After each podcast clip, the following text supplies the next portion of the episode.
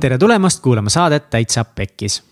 täitsa Pekkis saates me inspireerime sind tegema elus julgemaid valikuid, jagades edukate ja ägedate inimeste pekkiminekuid. mina olen Katrin Hindrikus. ja mina olen Mihkel Vetemaa. tänases saates külas Peep Vain. ja sellega sai ka alguse meie siis viienda hooaja teine saade, esimene saade külalisega ja tõesti ei oleks suutnud paremat külalist, vingemat inimest siia saatesse kutsuda kui Peep.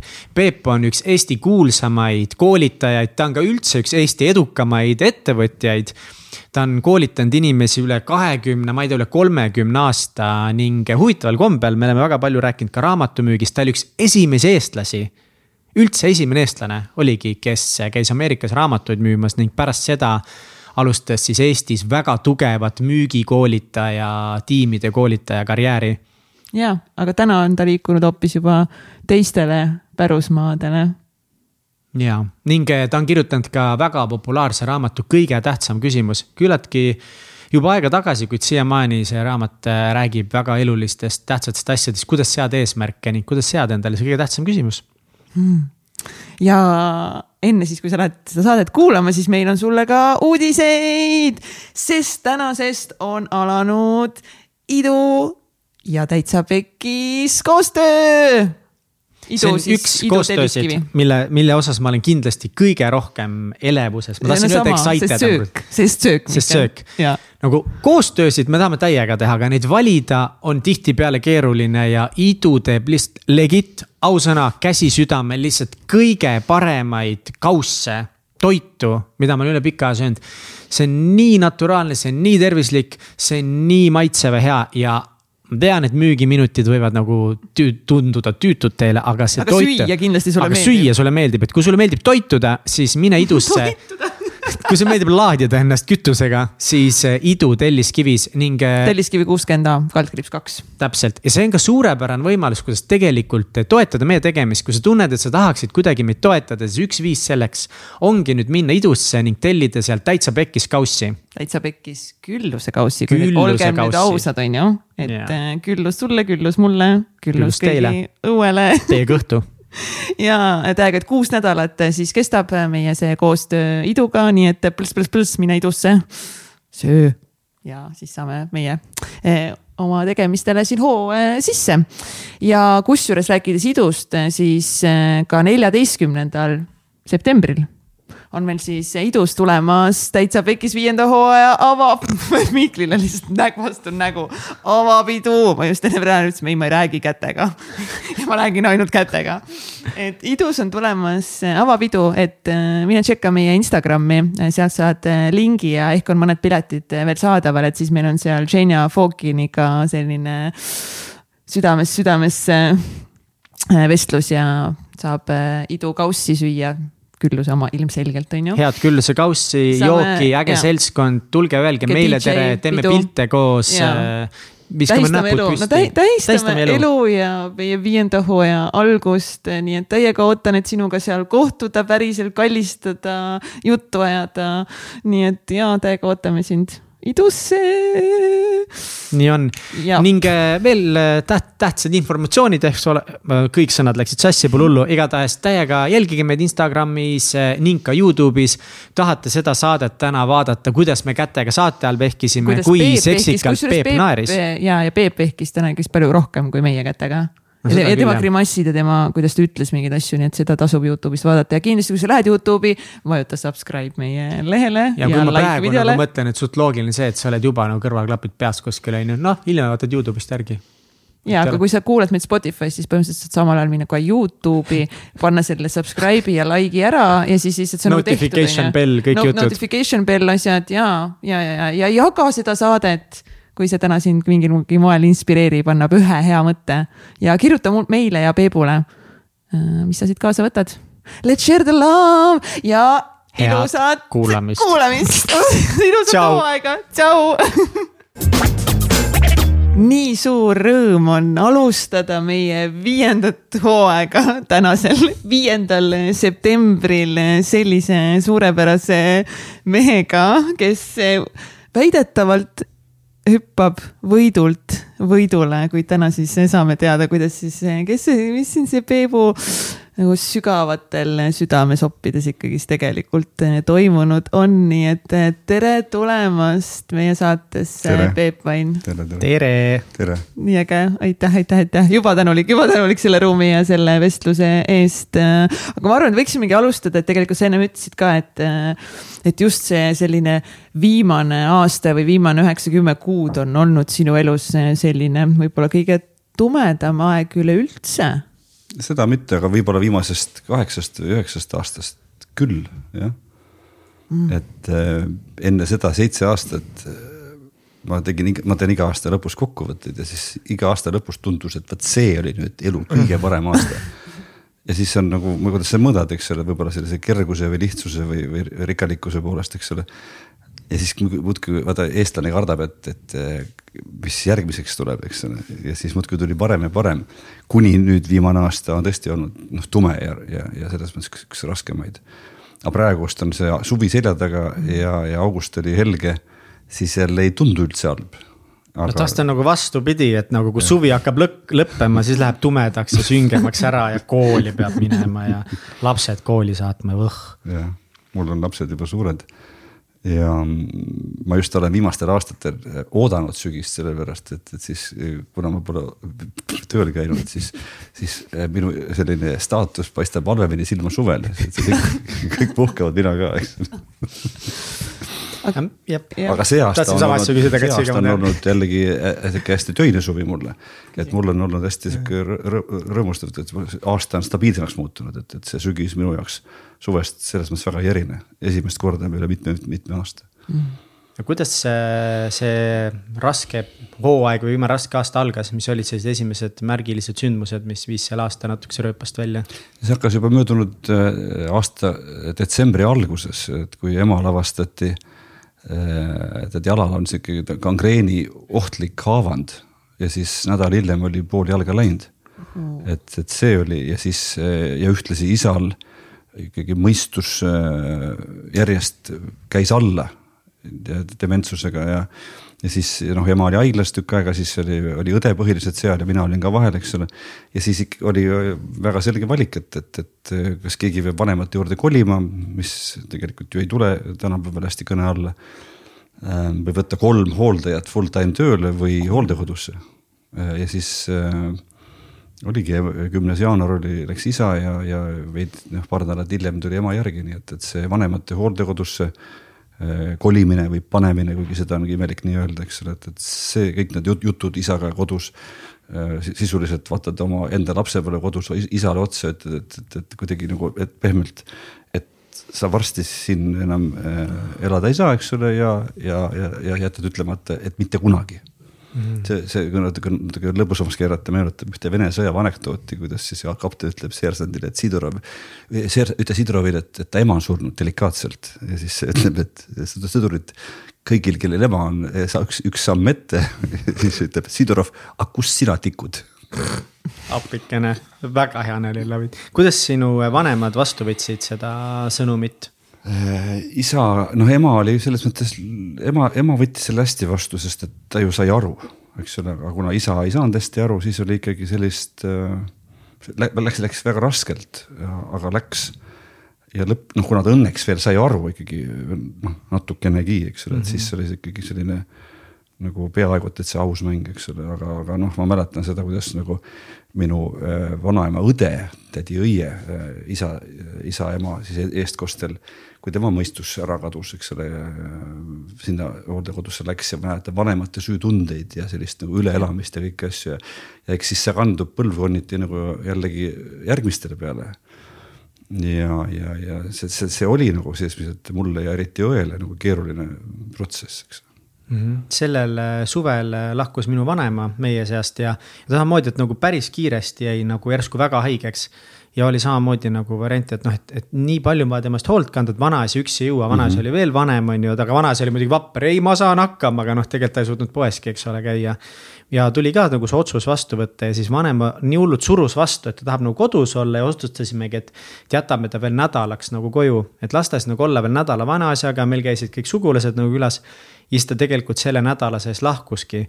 ja mõnes mõttes nagu läks hullult hästi, sest ta lahkus oma kodus pere keskel, vanaisa oli kõrval mm., lapselaps oli kõrval, et nagu. aga ma mõtlen nagu see, noh, see pilk nagu vanema silmis ka, kui see sõnum umbes tuleb, et nüüd lähed sinna haiglasse ära ja. või noh, tema ei saanud isegi mitte hooldekodusse, vaid hooldehaiglasse oleks mm -hmm. pidanud minema, et see võib-olla on veel ebamugavam koht natukese aga praegust on nüüd üheksa, kaheksa-üheksa kuud möödas, eks ole, ja, ja nad on ära harjunud seal ja elavad mm -hmm. ja ei, ei, ei tundu nii, nagu tihti öeldakse, et inimesed lähevad sinna hooldekodusse surema. kuigi noh, lõpp on kõigil ühesugune. on. nii nagu eh, Ameerika indiaanlased ütlevad, et, et hea nali küll, et me kõik rõõmsalt astume sellele eluteele. kõigil on üks sama ees, noh lõpptulemus silme mhm. ees. no lõpuks on jah ja. aga mis veel, mis veel tegi selle aasta süngemaks? No siis vast kõige rohkem ikkagi oli see kõik, kõige, kõige lähedasema sõbra äh, surm kahekümne viiendal märtsil Palisaarel ja siis selle läbi seedimine ja sinna minek ja see matustel osalemine ja siis selle leina kuidagi äh, esimese suure leina tajumine ja, ja kogemine ja, ja, ja ma noh, täna julgen küll öelda, et auga nagu läbitegemine, et, et, et see ma arvan, mul veel tasub kolm kuud, eks ole, mis on suure leina kohta pigem nagu lühike aeg mm. -hmm. aga ei olnud pea liiva alla pistmine või, või selle eest peitu pugemine, et, et ikkagi noh, tugevad tunded ja, ja selline noh, vastik, vastik, väga vastik, eks.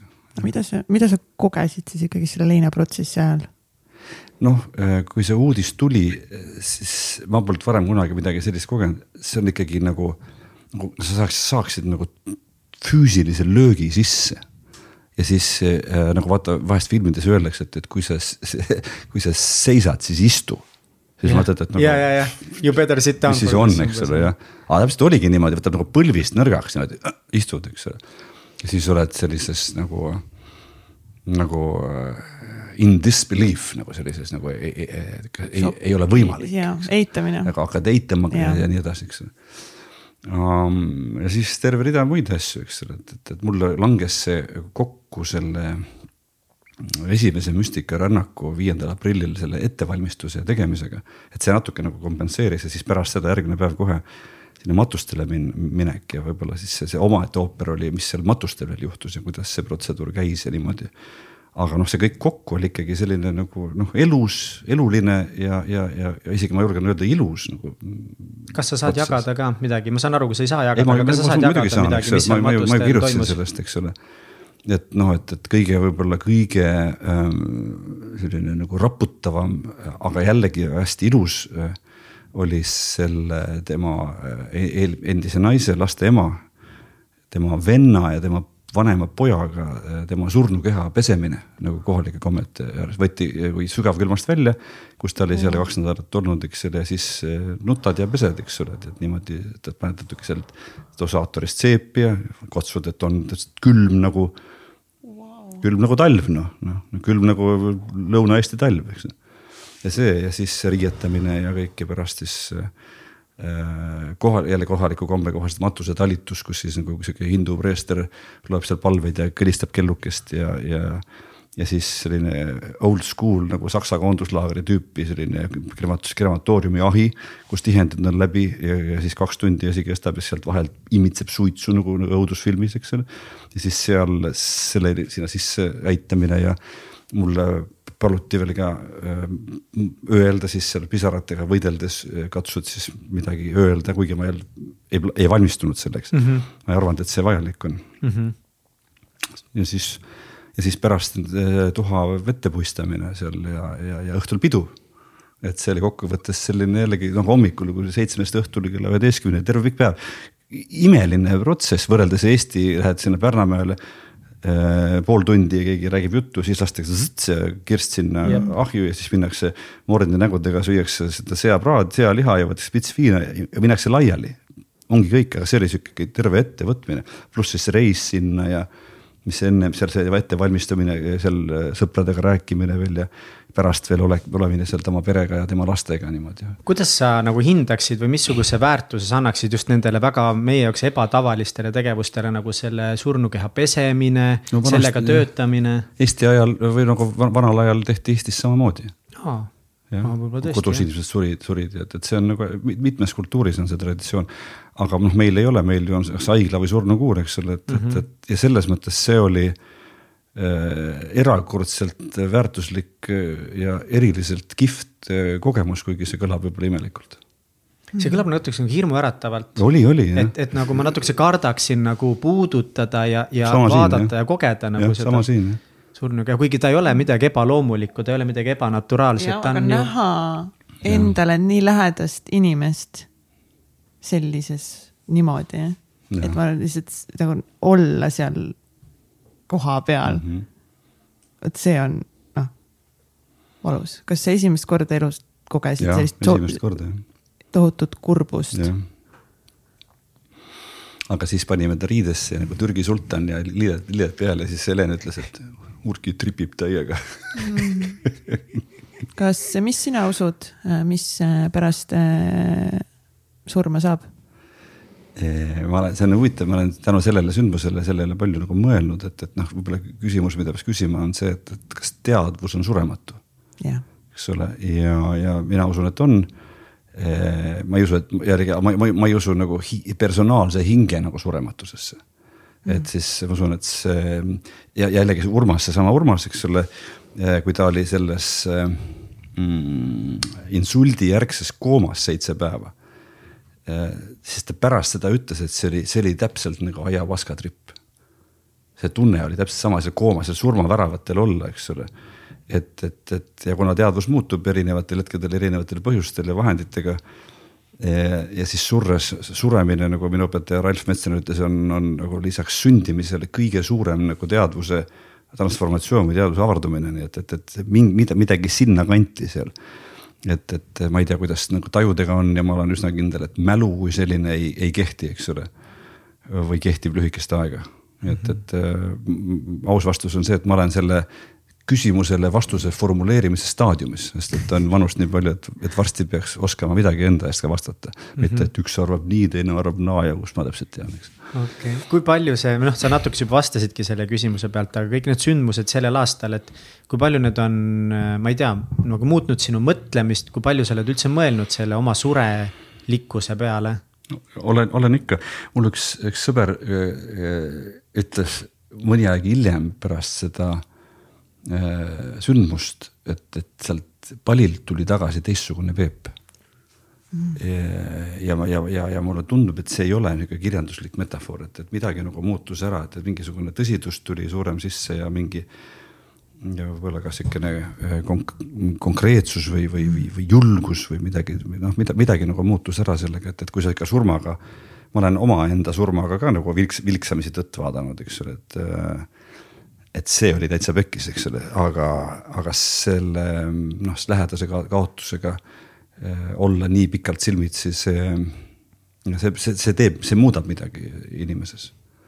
eriti kui sa, kui sa lubad sellel juhtuda mis muutust sa ise koged enda sees?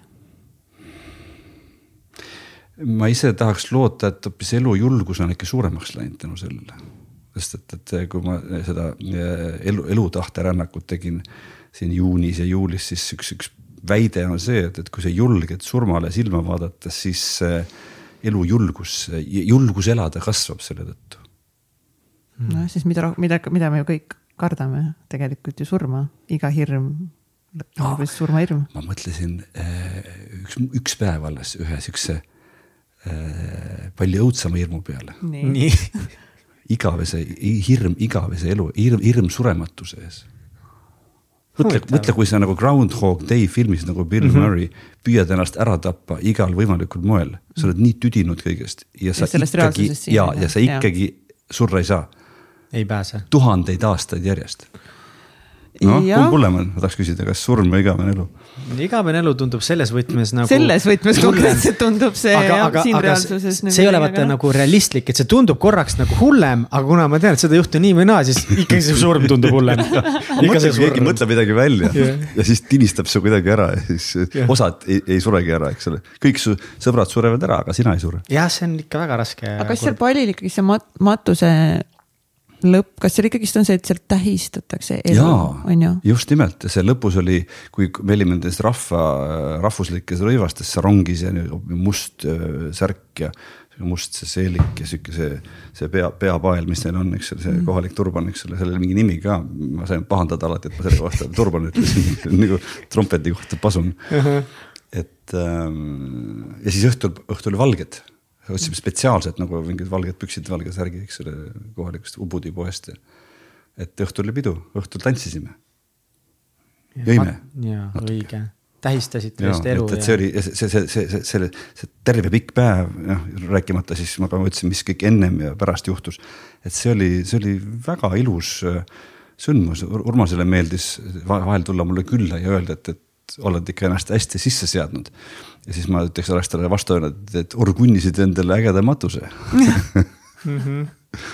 viimase peal. mis tööriistasid eh, sa veel kasutasid, et eh, leinaga tegeleda, et see juba on väga ilus protsess, mis ilmselt aitab nagu palju kaasa, aga. sa oled elus nii palju lugenud ja teinud, et kas need kõik sinu eelnev elukogemus on aidanud sul kuidagi seda asja siis hiljem ka veel protsessida, tagasi tulles sealt pallilt? mingid tööriistasid, mida inimesed saavad kasutada leinaga toimetulemiseks? Mul seesama sõber, kes ütles, et ma tulin teise mehena tagasi, ütles, et sa võiksid sellel teemal midagi veel kirjutada või koolitada, ma ütlesin, et ma pean nagu mõtlema nagu natuke selle üle. aga ühte asja ma võin küll öelda, et, et seal siis äh, ma olin pärast veel seda matust üks nädalakese seal ja siis äh, edasi äh, toimetaja Janek Uibo ütles, et, et sa võiksid midagi Urmasest tema auks kirjutada mm.. ja siis ma hakkasin nagu sundima ennast, siis ma hakkasin kirjutama, kirjutasin näiteks, kui me tuttavaks saime ja panin kõrvale, see on nagu imelik, eks ja siis ma kirjutasin veel äh, teise jupi, et äh, et kui ma saaksin enne, oleksin saanud talle päev enne midagi öelda, mis ma oleks kokkuvõtteks öelnud oh.. ja siis kolmandaks kirjutasin ja jälle panin kõrvale ja siis paar päeva hiljem kirjutasin, et, et äh, kuidas ma, ma kirjeldasin seda matust. see, see on avalik tekst, ma ei tea, seda võivad kõik lugeda, kes tahavad. selle edasi kodulehel ja minu Facebooki lehel ka, ma, ma avaldasin täies pikkuses selle enda Facebooki seina peal samal päev, samal päeval, kui see läks avalikuks. Ja siis, et mis ma nagu lõpus nagu tundsin või mõtlesin ja, ja, ja, ja siis ja, ja ma ei arvanud sellest ise midagi. andsin paarile sõbrale ja sellele samale Janekile edasist lugeda ja nad läksid väga ängsi täis, ütlesid, et seda peab avaldama, et see teeb teistele head lugejatele ja, ja, ja näitab ka sind mingist küljest, eks ole, et, et, et see, ma olen olnud küll öö, tänapäeva öö, sellises mm, sotsiaalses ruumis natuke kriitiline selle koha pealt, et, et kui, kes, kes rohkem ennast paljastab, see saab parema nagu rohkem punkte või nagu nii, eks ole, et, et selline nagu aususe nime all käib nagu avameelitsemine, eks ole. ja siis ma natuke häbenesin nagu sellepärast, et, et äh, ma ise samasugune, eks ole ja siis, aga kui, kuna öeldi, et, et, et noh, enda vaade selle koha pealt ei ole, ma arvan, kõige objektiivsem, et tasub ja siis ma uskusin ja tõepoolest see sai nagu hästi-hästi palju loetud ja hästi äh, head vastukaja, eks ole, et, et no kuidas see sind aitas, selle kõik üleskirjutamine? Eh, see oli nagu mingi väljutamine või nagu mingi selle, selle, sellega nagu noh, sellega ilma filtrita ja toorelt nagu selle, selle, sellega koos olemine nii et, et ja jällegi ma ei olnud kindel, et ma seda üldse avaldan, aga ma arvan, et, et ma, ma tegingi seda justkui nagu eelkõige ainult enda jaoks ja siis nagu tema jaoks ka või tema auks ja siis hiljem äh, lõikasin nagu mingid kõige tooremad tükid või mingid siuksed nagu noh, kordused välja sealt. kakskümmend kolm tuhat tähemärki jäi alles, oli pikk jutt. et see oli üks asi kindlasti ja siis ikkagi sellest nagu rääkimine nendega, kes äh, teda tundsid ja vere ja, ja lähedasematega, et, et selline meenutamine mm., meenutamine, rääkimine, et, et seal ja võib-olla kõige tähtsam on ikkagi mitte eitamine, et, et nendel samadel tunnetel nagu olla laskmine, et, et, et tunnetega toimetuleku ma arvan, põhivõti on äh, teatud aega lasta neil olla, mitte mängida, et neid ei ole või ja, ja mitte ka neid hullemaks teha mm.. võimalikult adekvaatselt kassi puu meil otsa. ak-, akna peal. Ise tehtud kardinad. kard,. ise tehtud kardinad kukkusid lihtsalt selle jutu peale alla mm.. võib-olla keegi ütles äkki meile tere. ma just, ma just nagu, kui sa rääkisid sellest äh, praegu ja korra mõtlesingi, et, et võib-olla kui sa oled nõus, et näiteks paari lausega, et äh, kui Urmas meid praegu kuuleb, on ju, ta on siin mm. -hmm. niimoodi otsustas, et no see vestlus siin tundub praegu, kuhu võiks nagu tulla nagu noh, kõrva võiks nagu, nagu, et noh, muidu ka siin hoian veepul silma peal ja vaatan, mis ta siin hängib ringi, on ju. et kui ta praegu kuuleks, et mis sa, mis sa sooviksid talle paari lausega öelda? ma ei ole ta peale jupp aega mõelnud, et huvit-, väga hästi küsitud, eks ole ähm,. Ütleks talle ainult enda, noh, ainult enda eest nagu öelda, siis ütleski, et ära pahanda, et ma ainult kolm kuud nii kurb olin. või näiteks nii, et, et, et, et, et, et elu läheb edasi ja noh, talle ütleks seda, mida ta niigi teab, et oli hästi elatud elu, eks ole, nii et, et ja, ja, ja tänaks teda. ja ma tänan teda kõige selle eest, mis, mis ta mul minu ellu on toonud ja, ja selle tõesti noh. Ta oli lähedasem mulle, ma arvan, mingis mõttes kui mu vanemad ja lapsed, naised. minu meelest on nii ilus praegu kogeda seda hetke ja, ja just nagu tunnustada just mehe ja mehe vahelist sügavat armastust jah ja sõprust. et selle kohta, kes seda nagu ka ta ema ja, ja mõned veel ütlesid, et, et minul sellist sõprust pole olnud, eks ole, nii et, et, et see oli see, sihuke sõprus nagu meil oli, et see, seda kõik ei saa. Ja täiega. nii et äh, aitäh, Urmas ja pane siis hullu edasi ja hoia siin veel silma peal, et vaata. edasi. ja, ja jäta need kardinad rahule. jäta need kardinad üks rahule. kardin, et nagu meil nagu valgusega läheb veitsa pekki onju ja siis Peebu nägu pole näha onju, see põleb üle. et äh, nii äge, kui ilus see saab olla sõprus. aga mm, rääkides lõpust, siis lähme algusesse. ja üks selliseid suuri alguspauke, millega sina ikkagi väga palju tähelepanu üle kahekümne, kakskümmend aastat tagasi peaaegu ma mõtlesin, sa nüüd ütled suure pauk, klaveriõpe. see ei ole mingi aga algus. sa ütlesid, et me läheme tagasi algusesse. Aa, no jah, point. Lähme äkki siis nagu Lähme algusesse, jah. Lähme algusesse, et siin Peep just ennem rääkiski, et ikkagist, et, et kuigi tal on olnud ju jah, nii-öelda võidult võidulõpe, aga ikkagist mingeid väljakutseid sul oli ka ju lapsepõlves, no midagi oli, me saime aru, et siin klaveriõppega oli probleeme ma sain, ma sain kirjatehnika eest nelja. see on päris hea, ma sain eesti keele eest kahe mingi hetk. see oli ainuke neli, mida ma sain ja, järjest, ma olin jumala kuri, et selle aine, õppeaine peale, muidu oleks kõiki viisi saanud. mis sul siis? kirjatehnikaga nagu valesti läks? lohakas. loll ja lohakas kas- nagu Oskar Rohakas. kas sul oli õnnelik lapsepõlv? üldiselt oli küll jah. Üldiselt? jah, ei noh, kõige, nagu ma ennem rääkisin, et igaühe maksimaalne kannatus on tema kümme. Jaa. selles mõttes ja, ja kõigi kannatus, kõige suure, kõigi, kõigi suhteliselt kõige suurem, ükskõik kui väike kannatus on talle kõige õudsem, nii et, et, et selles mõttes oleme me kõik nagu võrdsed, välja arvatud need, kes on ikka väga palju pihta saanud, eks ja neid õnneks äh, inimesi ei ole palju, ma loodan. aga keskmiselt pihta saanud oleme kõik, eks ole, ja mm -hmm. siis mõni üksik, mõni väga-väga üksik siis, kes võib-olla millestki aru ei saagi üldse tal on väga õnnelik ja sina said siis klaverõppega pihta lapsena. ja mind sunniti teise klassi esimesel septembril või teisel septembril siis äh, esimesse klaveritundi minema. ja, ja päris nii ei olnud, et, et, et, et ema rebis mu ukselingi küljest lahti. Aga palju puudu ka ei olnud Jah. ma ikkagi seal trummi kakskümmend üks neli, kus siis mu vanemad just nüüd nagu välja öö, kolisid, eks ole, selle aasta alguses Äh, ei taht-, ei tahtnud ma sinna minna ikkagi nagu küllap võib-olla hoidsin ka sellest lingist kinni natukene ja, ja nutsingi natuke võib-olla, aga kokkuvõttes noh, see äh, algus ei olnudki nii hull, aga see, muutus järjest nagu ebameeldivaks, et ma pidin kolm aastat äh, vastu oma tahtmist ja võib-olla sellepärast on ka vabaduse teema minu elus tähtis olnud. vastu oma tahtmist õppima klaverit ja harjutama ja isa istus kõrval ja mm., ja aga miks see nende jaoks nii oluline oli? Äh, ma küsisin seda hiljem ja, ja veel, kui, kui isal oli mõistus peas ja niimoodi, ma, ma kuulsin, sain siukse loo vastu, eks ole. et ähm, isa, isa äh, ühel vennal äh, oli siis üks poeg, tal oli naine ja see naine oli vist peenemast perekonnast, eks ole, mitte töölisperekonnast nagu, nagu minu äh, isa, isa, eks ole. ja, ja minu isa-ema. ja siis äh, ma ei tea, kas ta oli klaveriõpetaja või tal oli klaver ja ta oskas ja siis ühesõnaga seal, seal, seal liinis siis äh, oli peenemad kunstid, eks ole, ja siis vist minu vanaema kangesti tahtis ka siis eh, kõigepealt pandi tanki mu õde, eks ole tal ei tulnud eriti hästi välja ja siis eh, ma olin järgmine, siis mm -hmm. õele kingiti eh, sünnipäevaks klaver.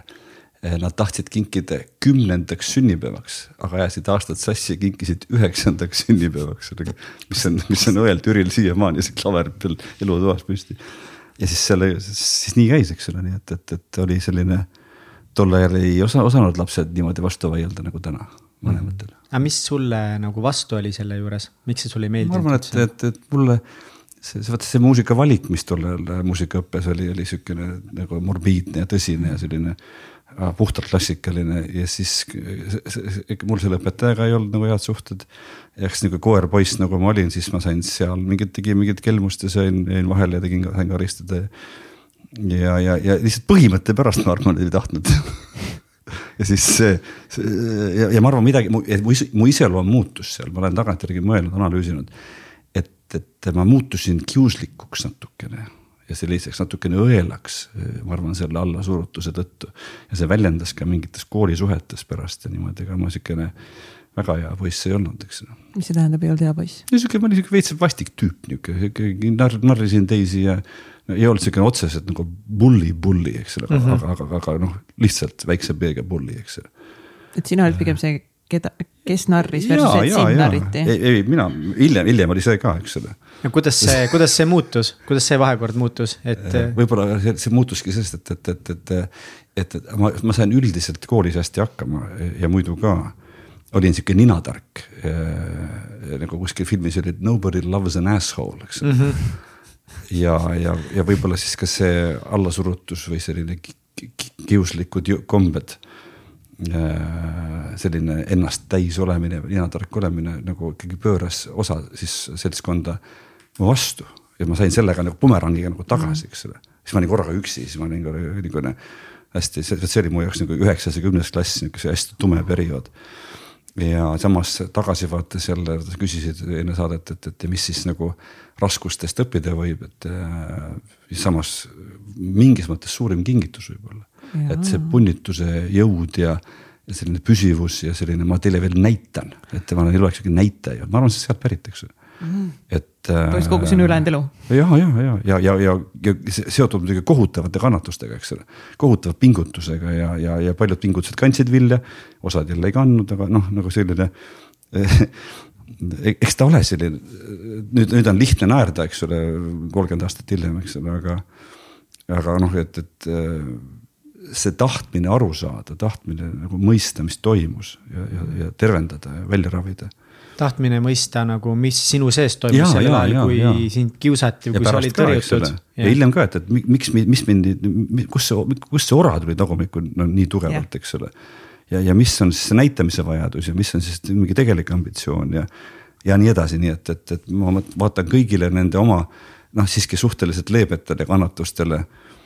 Äh, ka selle nurga alt, et, et mis nad minuga tegid, mis nad mulle head tegid ja sellepärast, kui me ennem rääkisime, et mul on nagu keeruline meenutada, et ma vaatan oma mineviku peale nagu üldiselt nagu üsna nagu hea pilguga.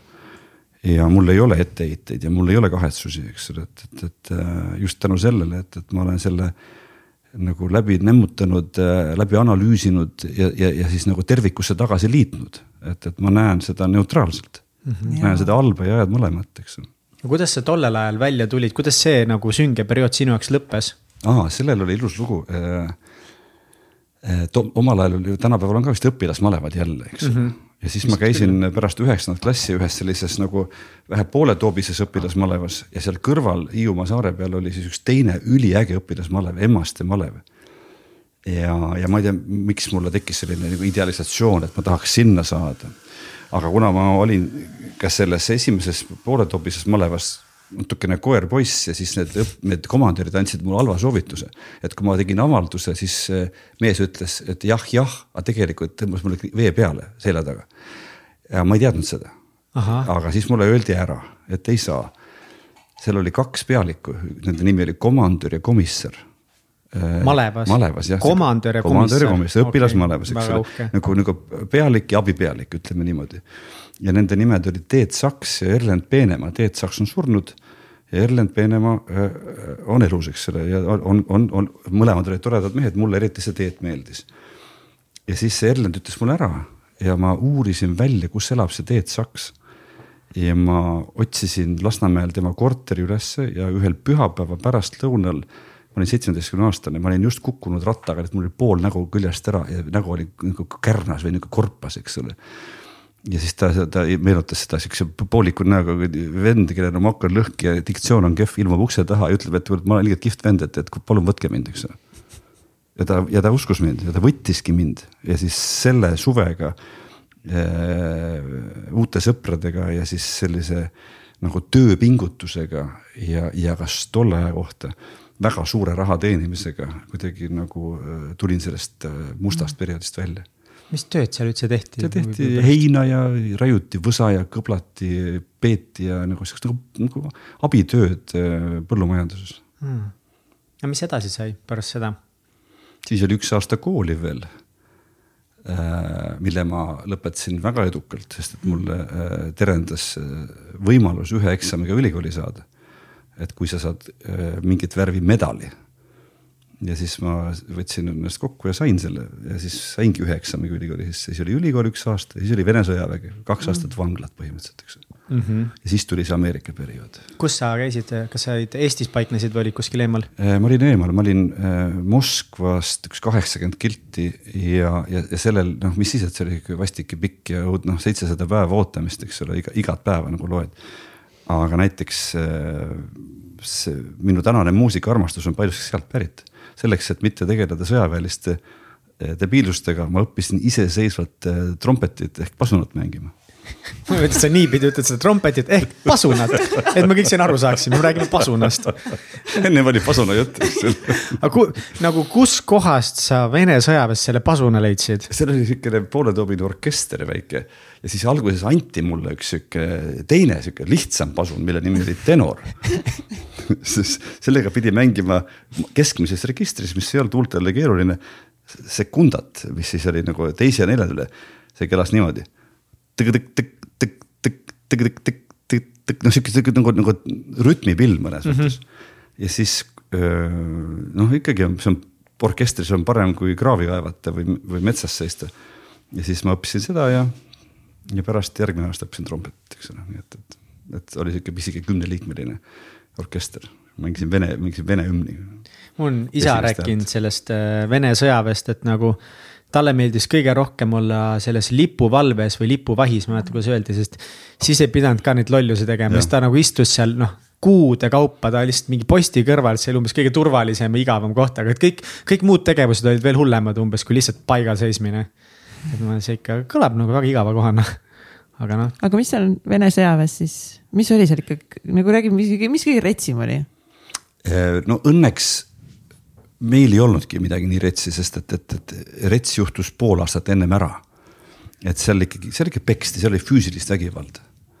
ja siis äh, see ohvitseride poolt pandi omakorda füüsilise vägivalla abil, äh, suruti maha see. ja siis oli aga sihukene nagu alanduse ähvardus ja ikkagi see, see ikkagi füüsilise noh peksa saamise ähvardus ka, eks ole, paar korda vastu hambaid ikkagi õnnestus saada ka korralikult, eks ole ja, ja kõige hullem oli see et sa ju tead ja see oli täpselt Nõukogude Liidu lõppaeg, et sa tead, et see on nagu umbes nagu praegust me peaksime kolmekesi minema Hiina sõjaväkke näiteks.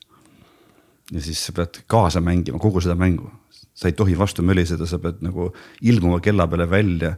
noh, ma andsin laetud püss käes, mundris, ma olin üheksateist, oma ema ja isa silme all vene keeles tõotuse, et ma olen nõus Nõukogude Liidu eest elu andma, saad aru? suuliselt, kõva häälega, kõigi ees. no mitte hingeliselt. tundub ju muidugi mitte, eks ole mm -hmm., aga tundub ju täiesti õudne noh mm -hmm.. aga kas sa, mida sa tundsid seal, kas sa tundsid hirmu? tundsin hirmu, et, et, et üks asi, mis oli, oli see valves käimine ja siis eh, toosama esimene sügis need esimesed korrad äh, kui sa ikkagi oledki seal äh, kuskil torni otsas näiteks kell kolm öösel äh, täiesti pimedas, laetud püssiga. muidugi seal kedagi ei tulnud, midagi ei olnud reaalselt, aga kust sa tead, eks ole, hirmul on suured silmad. ja selle hirmuga võitlemine oli ikka tõesti nagu siukene noh, alguses katsumus, pärast aasta hiljem magasid seal juba tead õues, et rahulikult lumehanges okay.. siis, äh, ja siis võib-olla nagu Eh, nagu ma, ma rääkisin ka ennem, et, et, et mu enamik mu kannatusi on tulnud nagu ambitsioonidest ja nende e-, eesmärkide poole pürgimisest. siis seal oli ka, et, et, et eesmärk oli võimalikult äh, nii-öelda nagu. vähe peksa saada. ei, või, või võimalikult kõigi, kõike seda ignoreerida.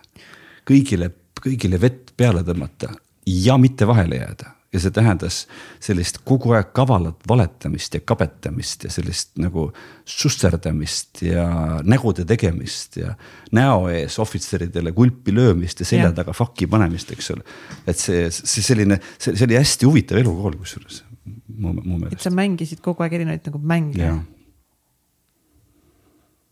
ja siis lõpus oli nii, et, et, ütled, meil oli sihuke koht nagu klubi, nagu kujuta ette, see Merepuiesteel siinsamas ligidal on see, see Vene kultuurikeskus yeah., selle väiksem versioon. ja siis, ja siis olid need barakid, kasarmud, kus siis äh, toimus see sõjaline tegevus. ja siis see, see klubi oli nagu tõotatud maa, siis sa pidid leidma mingid ettekäänded ja põhjused barakist klubisse saada et pilli mängida või, või mõni fotograaf ka veel, et siis filmi ilmutada või pilte teha uh. -huh. ja siis klubis oli klubi juhataja, mingi kapten, siis oli mingi polkovnik, mingi selline poliittöötaja. ehk kõige peenem vend oli üks Tambet, kes äh, elab Ida-Virumaal.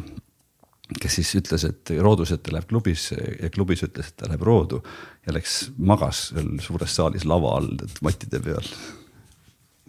see sihuke täna mu poeg, mu poeg käis Eesti sõjaväes, seal sellist tsirkust ei tehtud, eks mm. -mm. aga see Vene värk oli. täiesti teine, täiesti teine jah. maailm. ja et seal nagu noh, Eestist läksid väljaõpet, aga teil oli lihtsalt selline mingi ellujäämise kool ja, nagu, aga mitte nagu militaarses mõttes tegelikult, vaid mingis vaimses mõttes, psühholoogilises mõttes täpselt ja siis ma hakkasin kirjutama sõjaväes, mul oli see, et, et ma hakkasin päevikut pidama, mis mul on siiamaani alles, et minu kirjutamislembus on, ma arvan, sealt pärit, eks ju oh,. armastuskirjad tüdrukutele, keda ma ei saanud. ja siis päevikud sõjaväest, eks ole õigus, õigus, vanasti kirjutati kirjasid tüdrukutele ju ja, ja, ja, ja, ja olen enda, kuulnud lugusid enda, sellest. mul enda kirju pole alles, aga tüdrukute kirjad on kõik alles ühe musta selle binderi vahel, eks, kiirkõiti vahel. mis sulle kirjutati siis mm.?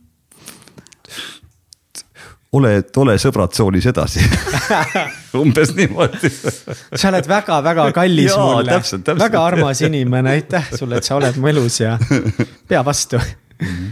aga kuidas sa tundsid, kui sa tagasi tulid sealt sõjaväest ähm,?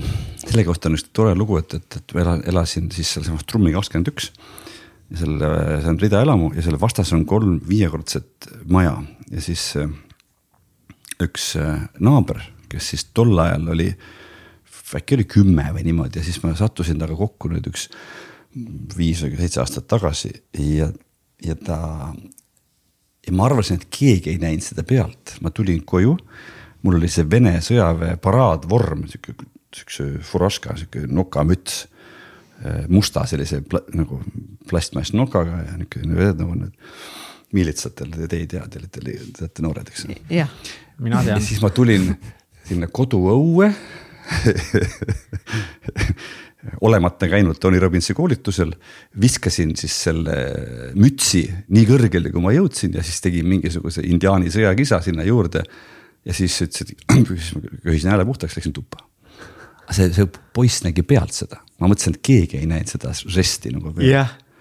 Ja siis äh,, siis pärast, et noh, mis seal ikka, ma läksin Tartu, siis ma läksin TTÜ-st Tartu Ülikooli Äh, ja siis hakkas nagu haridustee ja pärast tuli see Ameerika periood, aga just ma mäletan seda, seda, seda, seda, seda rõõmu purtsatust mm. -hmm. et, et mis oli omaette nagu antikliimaks, et, et ühe külje pealt nagu tahaks nagu ilgelt rõõmustada, oled üksinda. ja siis rõõmustadki ja siis see moment saab läbi. ja siis nagu polegi midagi see on äh, sinu ja see Ameerika teema on hästi äh, lahe, sellest võiks rääkida sellepärast, et meie saates on käinud läbi aastate nii palju raamatumüüjaid ja me oleme teinud ka nii palju nalja selle üle vahepeal, et nagu, et miks Southwestern juba raha meile ei maksa, et me neid raamatumüüjaid. palju me jah, promo oleme teinud. kui palju me oleme promo teinud, kui palju oleme rääkinud, aga lihtsalt see on väga vinged lood, väga vinged inimesed, et see on nagu äge nüüd see kõik tuua kokku sellesse kohta, kus see Kinda Eestis üldse nagu alguse sai või. kas ma mäletan, olen õigesti lugenud, et põhimõtteliselt nagu sinust mõnes mõttes ongi ju raamatumüük Eestis alguse saanud räägi natuke sellest, sest võib, me ei pea liiga pikalt siin peatuma, aga lihtsalt see on, aga see on täiega põnev, sest et nagu nii paljud inimesed, kes me saadet kuulavad, ei ole raamatuid käinud müümas ja on ikka no olnud, et kuradi see raamatu müümine, raamatu müümine, et kas kõik käivad saates, käivad raamatuid müümas? nojah, sest me ise oleme ka müünud. jah, ja me oleme ühe suve käinud mõlemad müümas ja. ma teadsin, et sina oled käinud, aga seda, et sa oled käinud, seda ma ei teadnud. Eh, ma olen pooleli eh, raamat, raamatu müümisest suurepärane aeg. esimese suve story'd on kirjas ja ma tahaksin ka järgmiste suve, ma tegin neli aastat seda. et, et järgmiste suvedes äh, mingid paremad palad ja siis nagu õppetunnid või need, need kogutud äh, tarkused äh, juurde liita veel, eks ole. kuidas see, kuidas see algas, kuidas sa üldse sattusid sellesse, kuidas see sattus sinuni? see noh, mul on ikka hästi ka läinud elus, mitte ainult halvasti nagu ööga selgub, eks ole, et see. noh, Eesti rikaste topp ütleb sama asja. ma olen tahtnud ma olen, ma siiamaani olen kirjas, et, et, et kui sa, et võib-olla ma olen liiga palju tahtnud. aga tänu sellele, et ma olen liiga palju tahtnud, ma olen palju saanud. ja ma olen pidanud palju vaeva nägema mm. -hmm aga, aga mida, mida, mida, mida ma oskasin tahta tol ajal ja tänu sellele, selle Vene sõjaväes passimisele ja igavlemisele. et, et ma tahtsin nii väga välismaale õppima minna mõtlesin, julgesin alguses mõelda Rootsit ja siis üsna varsti, kui ma tagasi tulin sõjaväest, siis tuli see Ameerika äh, igatsus või soov. ja siis ma sattusin EBS-i, kui EBS oli just alanud ja valiti kahest ülikoolist kuus üliõpilast, kes siis nagu olid äh, selle õppejõudude poolest nagu väljapaistvamad nende arvates. ja ma olin üks nendest kuuest ja siis äh, see Madis Abakukk, kes on tänaseks juba lahkunud, äh, ühel Ameerika äh, tripil kohtas minu hilisemat müügijuhti ja tänast sõpra Tom McAuliffe'it. ja nad siis võtsid seal äh, ühel sellisel õuepiknikul klaasi veini ja siis Tom ütles umbes niimoodi, et kurat, tooks, ma teen seda asja siin. mis te arvate, kui tooks kaks Eesti üliõpilast ka raamatuid müüma, Abaku ütles, et davai ja siis ta tuli Eestisse ja, ja ta pakkus kuuele meist varianti, et neli tükki saavad suveks minna ülikooli nagu kolmeks kuuks. ja kaks tükki saavad minna raamatuid müüa kolmeks kuuks. ja siis eh, täpselt jagunes, et, et neli tükki tahtsidki minna ülikooli ja kaks tükki tahtsid minna raamatuid müüma. ja ma olin üks nendest kahest. taht-, et sa tahtsid minna raamatuid müüma? aga miks sa siis tahtsid minna? ma tahtsin minna sellepärast, et, et minu jaoks kolm kuud ei olnud piisav ma tahtsin ülikooli minna nagu full time. ja see, see raamatumüük tundus intuitiivselt äge. ja, ja, ja mõtlesin fuck it nagu, et nagu seda ja ma, ja ma arvasin, et see on kerge.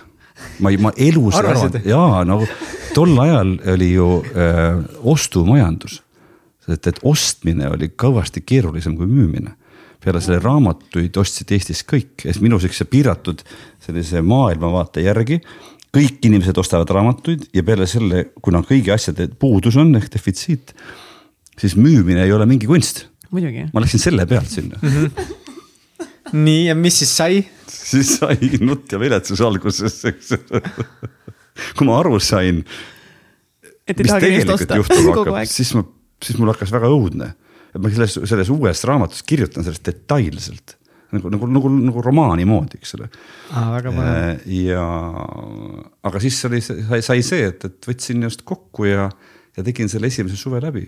Äh, ja suve lõpp oli väga edukas, just lõpp, viimased päevad, kõige viimane päev oli kõige parem.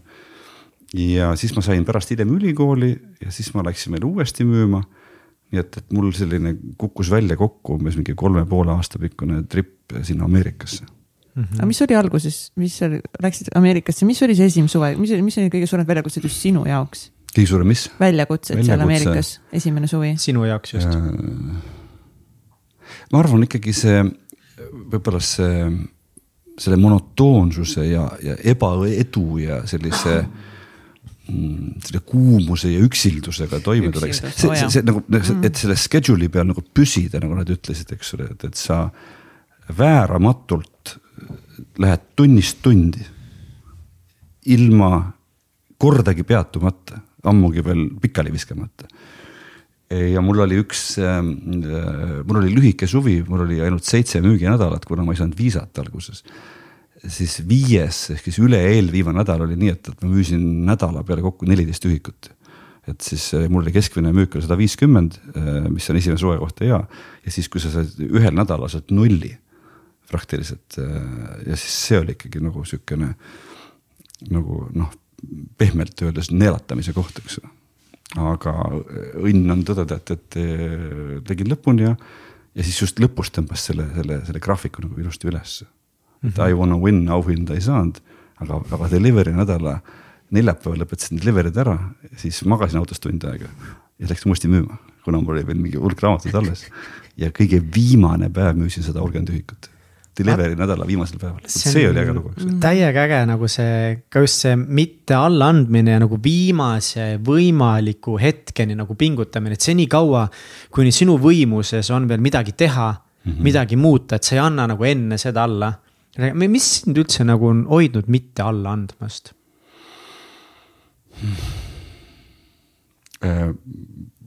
ma kahtlustan, et, et siin on mingisugused lapsepõlvetraumad, eks ole. see klaverika raisk. aga see, et, et, et üks on,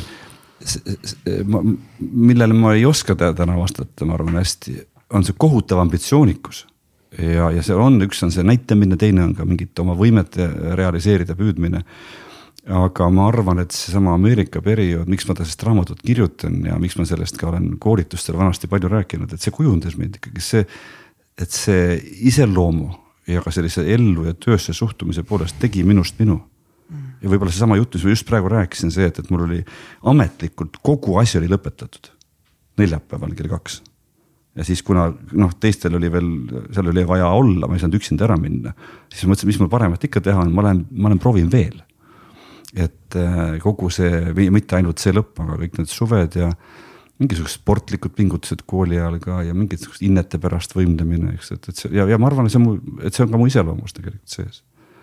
ja siis, kui sa õpidki endale teiste vanemate, targemate, edukamate käest selgeks, et pead pingutama ja ei tohi alla anda ja see, see, see, see mitte allaandmine oli see, mida seal tambiti ju nagu kogu aeg müügikoolist kuni lõpuni delivery'ni välja, eks et ma arvan, see ise, kui nad ütlevad, et, et iseloomu kujundamine või ehitamine noortes inimestes alates tuhande kaheksasaja kuuekümne kaheksandast aastast.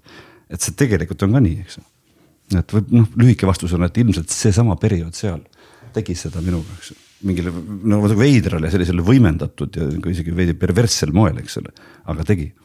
kas sa läksid siis sellepärast tagasi uuesti nagu järjest mitmed suved raamatuid müüma, sellepärast et ikkagist saada paremaks ja ikkagist, et teha kogu aeg oma tulemusi üle. mul oli raha vaja mm.. mul oli, mul oli, kuna mul selle kooli ambitsioon oli ja mul vedas nii rõvedalt, et ma sain endale viieteist tuhande dollarilise õppemaksuvabastuse, mis on tänases vääringus umbes viiskümmend tuhat aastas, eks ole.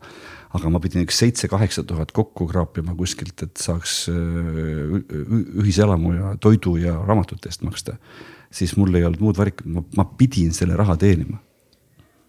Vanemate käest ei saanud.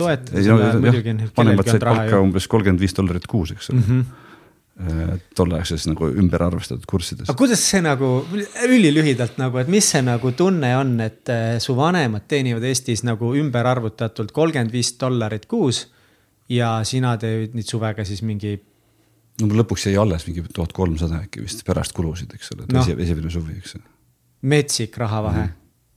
Kas see kuidagi pani sind rahast teistmoodi mõtlema ka, näha nagu mm nii suurt raha mõnes mõttes? ja ja ei, aga, aga kuna noh, see, see raha kulus kõik ära uh, -huh. eks ole, ja, ja ikkagi ma mõtlesin tollal Ameerika äh,. oleks ma esimesel suvel teeninud teise suve raha, siis ma oleks saanud veel maja osta. Eestis jah? jah. Wow. mõtle üheksakümmend üks, üheksakümmend, eks. -huh.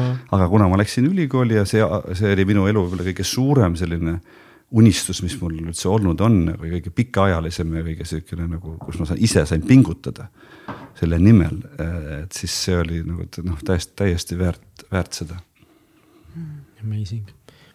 korra põrgatan Kats sinuga. kas me lähme siit suhetele, elule või lähme, käime ürituskorraldustes, karjääri alguses? korra lihtsalt, ma ei tea, kuhu see meid viib mm, -hmm. aga ennem kui me alustasime seda saadet, siis Peep ütles ka, et, et ta on ise ka oma surmaga silmitsi seisnud. ja siis mul jäi see, ma olin nagu oot-oot-oot-oot, millal nüüd Peep nüüd siin oma surmaga silmitsi seisis, ma tahan seda lugu kuulda ehm, mitte lihtsalt ma ei ole punnitaja, ma olen kiirustaja ja kiirustajad ei ole kohal. Ja siis seesama raamatumüük õpetas ju majade vahel jooksma, mitte käima ja siis aeglustama enne ust, et, et ei, ei hingeldaks. ja nüüd pärast seda surmaga silmitsi seismist mu tempo on et, nagu kriitiliste asjade juures kõvasti langenud. et ähm, noh, see lugu oli see, kui ma neli aastat tagasi üheteist, kaheteistkümnendal mail hakkasin äh, mässama ühe tormimurtud puuga maal enda, enda äh, talu äh, õuel, mis toetas siis ühe, ühe nagu oksa peale ja siis tüvi oli nagu nurga all ja see oli kole silmale. ja siis äh, lühike story on see, et, et ma lõikasin selle toe oksa läbi lootuses, et see puu kukub sirgelt alla. aga ta, ta ei kukkunud sirgelt alla, seal oli üks, üks oks oli veel püsti jäänud ja siis see puu kaldus ja väändus nagu keeras niimoodi. nii et ma sain sellise, kujuta ette, kui kümnemeetrine mees lööb sulle kolmemeetrise pesapallikurikaga täiesti juust vastu õlga. ja siis sa püüad veel ära joosta, et teed kaks jooksusammu. nii et, et, et äh, mul läks millimeetri kauguselt peast mööda mul oli väike, väike haav oli pea peal, äh, vasak jalg oli pilbasteks äh, otse vastu õlga. kolm selgrolüli olid äh, sisemised nagu kinnised mur-, mur, noh murrud, eks ole. ja noh, oleks, oleks see oksakene läinud siis või see, see suur varvas, eks ole.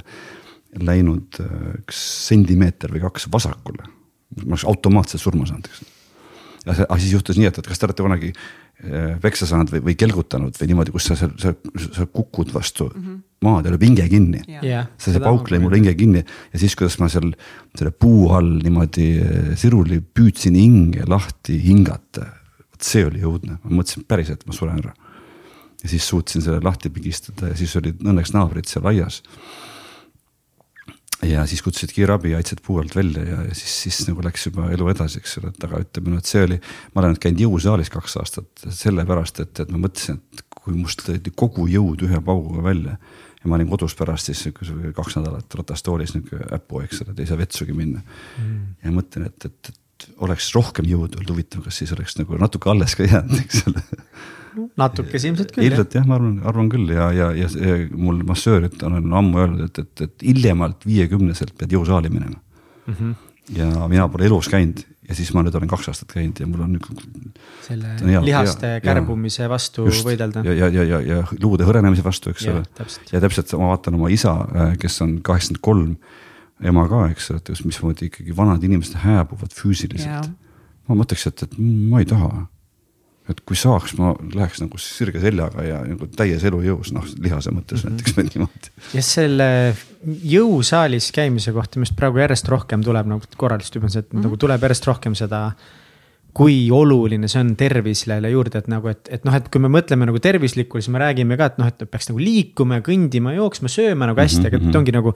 see raskuste tõstmine ja lihasmassi kasvatamine ja. on üks parimaid vanaduse vastaseid tööriistasid. ma olen sellest kuulnud ja nüüd ka veendunud selles mm. -hmm. ja sa näed väga hea välja. aitäh, et ähm, mulle üks sihuke lause maandus pähe üks-kaks nädalat tagasi, et, et, et äh, ma ei mäleta, kas ka isa, isa peale mõeldes vist või nii.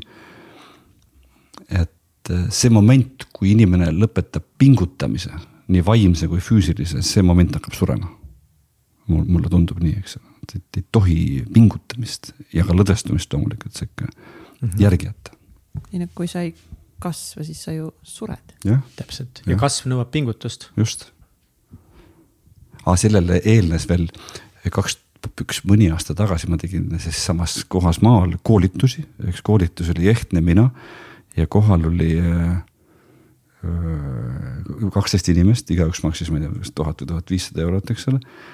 ja siis mul oli kõik valmis, ainult oli kaminasse vaja lõke teha, oi pagan, ma ei ole seda lugu kellelegi rääkinud. ja siis äh, või noh, avalikult ei ole rääkinud -huh. ise süteli kõndimise instruktor, eks ole ja ma olin, et, et ilu pärast ostnud siukse väikse biokütuse, siukse kaminakese ja siis sinna panesin bioetanooli. põleb nelikümmend viis minutit mm. -hmm. ja siis ma jällegi kiirustades, laisk inimene ka, eks. tahtsin kaminasse tuld teha ja panin natukene seda bioetanooli sinna, et kiiremini läheks. panen, panen, ei lähe. ja siis ma mõtlesin, ma panen ühe sortsaka veel. Ja siis nii kui ma selle teise sortsaka panin, läks põlema seal all. Ja mul oli viieliitrine kanister bio, seda kütust käes toas. ja see kütteleek kandus sellesse lahtisesse kanistrisse. Ja see muidugi ehmatasin niimoodi ja panin selle maha, õnneks jäi püsti aga mul olid nagu kõik käed kael, eks wow. ole. ja, ja ma, ma, ma sisuliselt panin ennast nelikümmend viis minutit enne koolituse algust põlema, tasuliste klientidega koolituseks.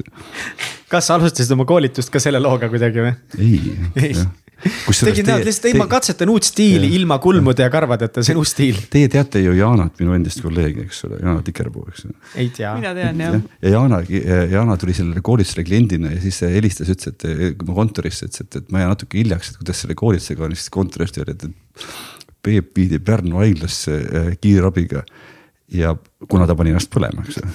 ta mõtles mingi, mingi hea nali küll tuli kohale, see lihtsalt oligi nii, eks ole Vain pani ennast enne koolitust põlema ei no why not. jah, aga see punnija mentaliteet selgus, eh, esiteks ma ehmat- no,, imestasin, et üldse valus ei ole. kohe, kohe ja kohe pärast seda, eh, kui see juhtus ja järgmine hetk, nii kui ma olin selle mõtte jõudnud ära mõelda, oli kõige õudsem valu terves elus, eks. Ja siis läksin, ootasin kiirabi voodi peal ja natuke piinlik ja natuke ka heroiline on tunnistada, et, et ma püüdsin mõelda, et kas on mingi võimalus, et ma selle koolituse ikka ära teha, saaksin teha. muidugi. aga. aga siis viidi ära, ära ja. ja siis sain nautida, mida mul üldiselt elus rohkem kui siis pärast seda veel ühe korra pole võimalik olnud nautida, opiaatide nagu helget ilma, eks ole et kui ikka kiirabiauto seal selles, sellesse prednisalooni lastakse veeni, korraga nüüd, valu läks ära ilgelt mõnus on, eks ole. kõik läks väga ilusaks tol hetkel jah. ja siis, kui see puuvärk oli, ma juba teadsin ette.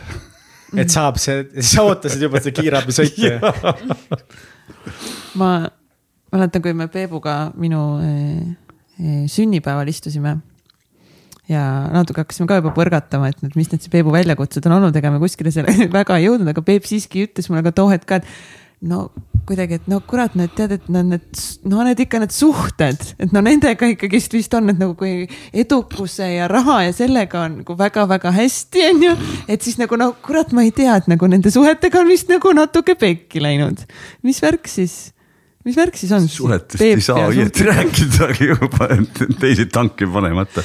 aga natuke saab muidugi. saab ikka. ei nimeta, ei nimeta nimesid, räägime lihtsalt mm -hmm., et mis sa arvad, miks just suhted on olnud sinu jaoks selline väljakutsuv eluvaldkond?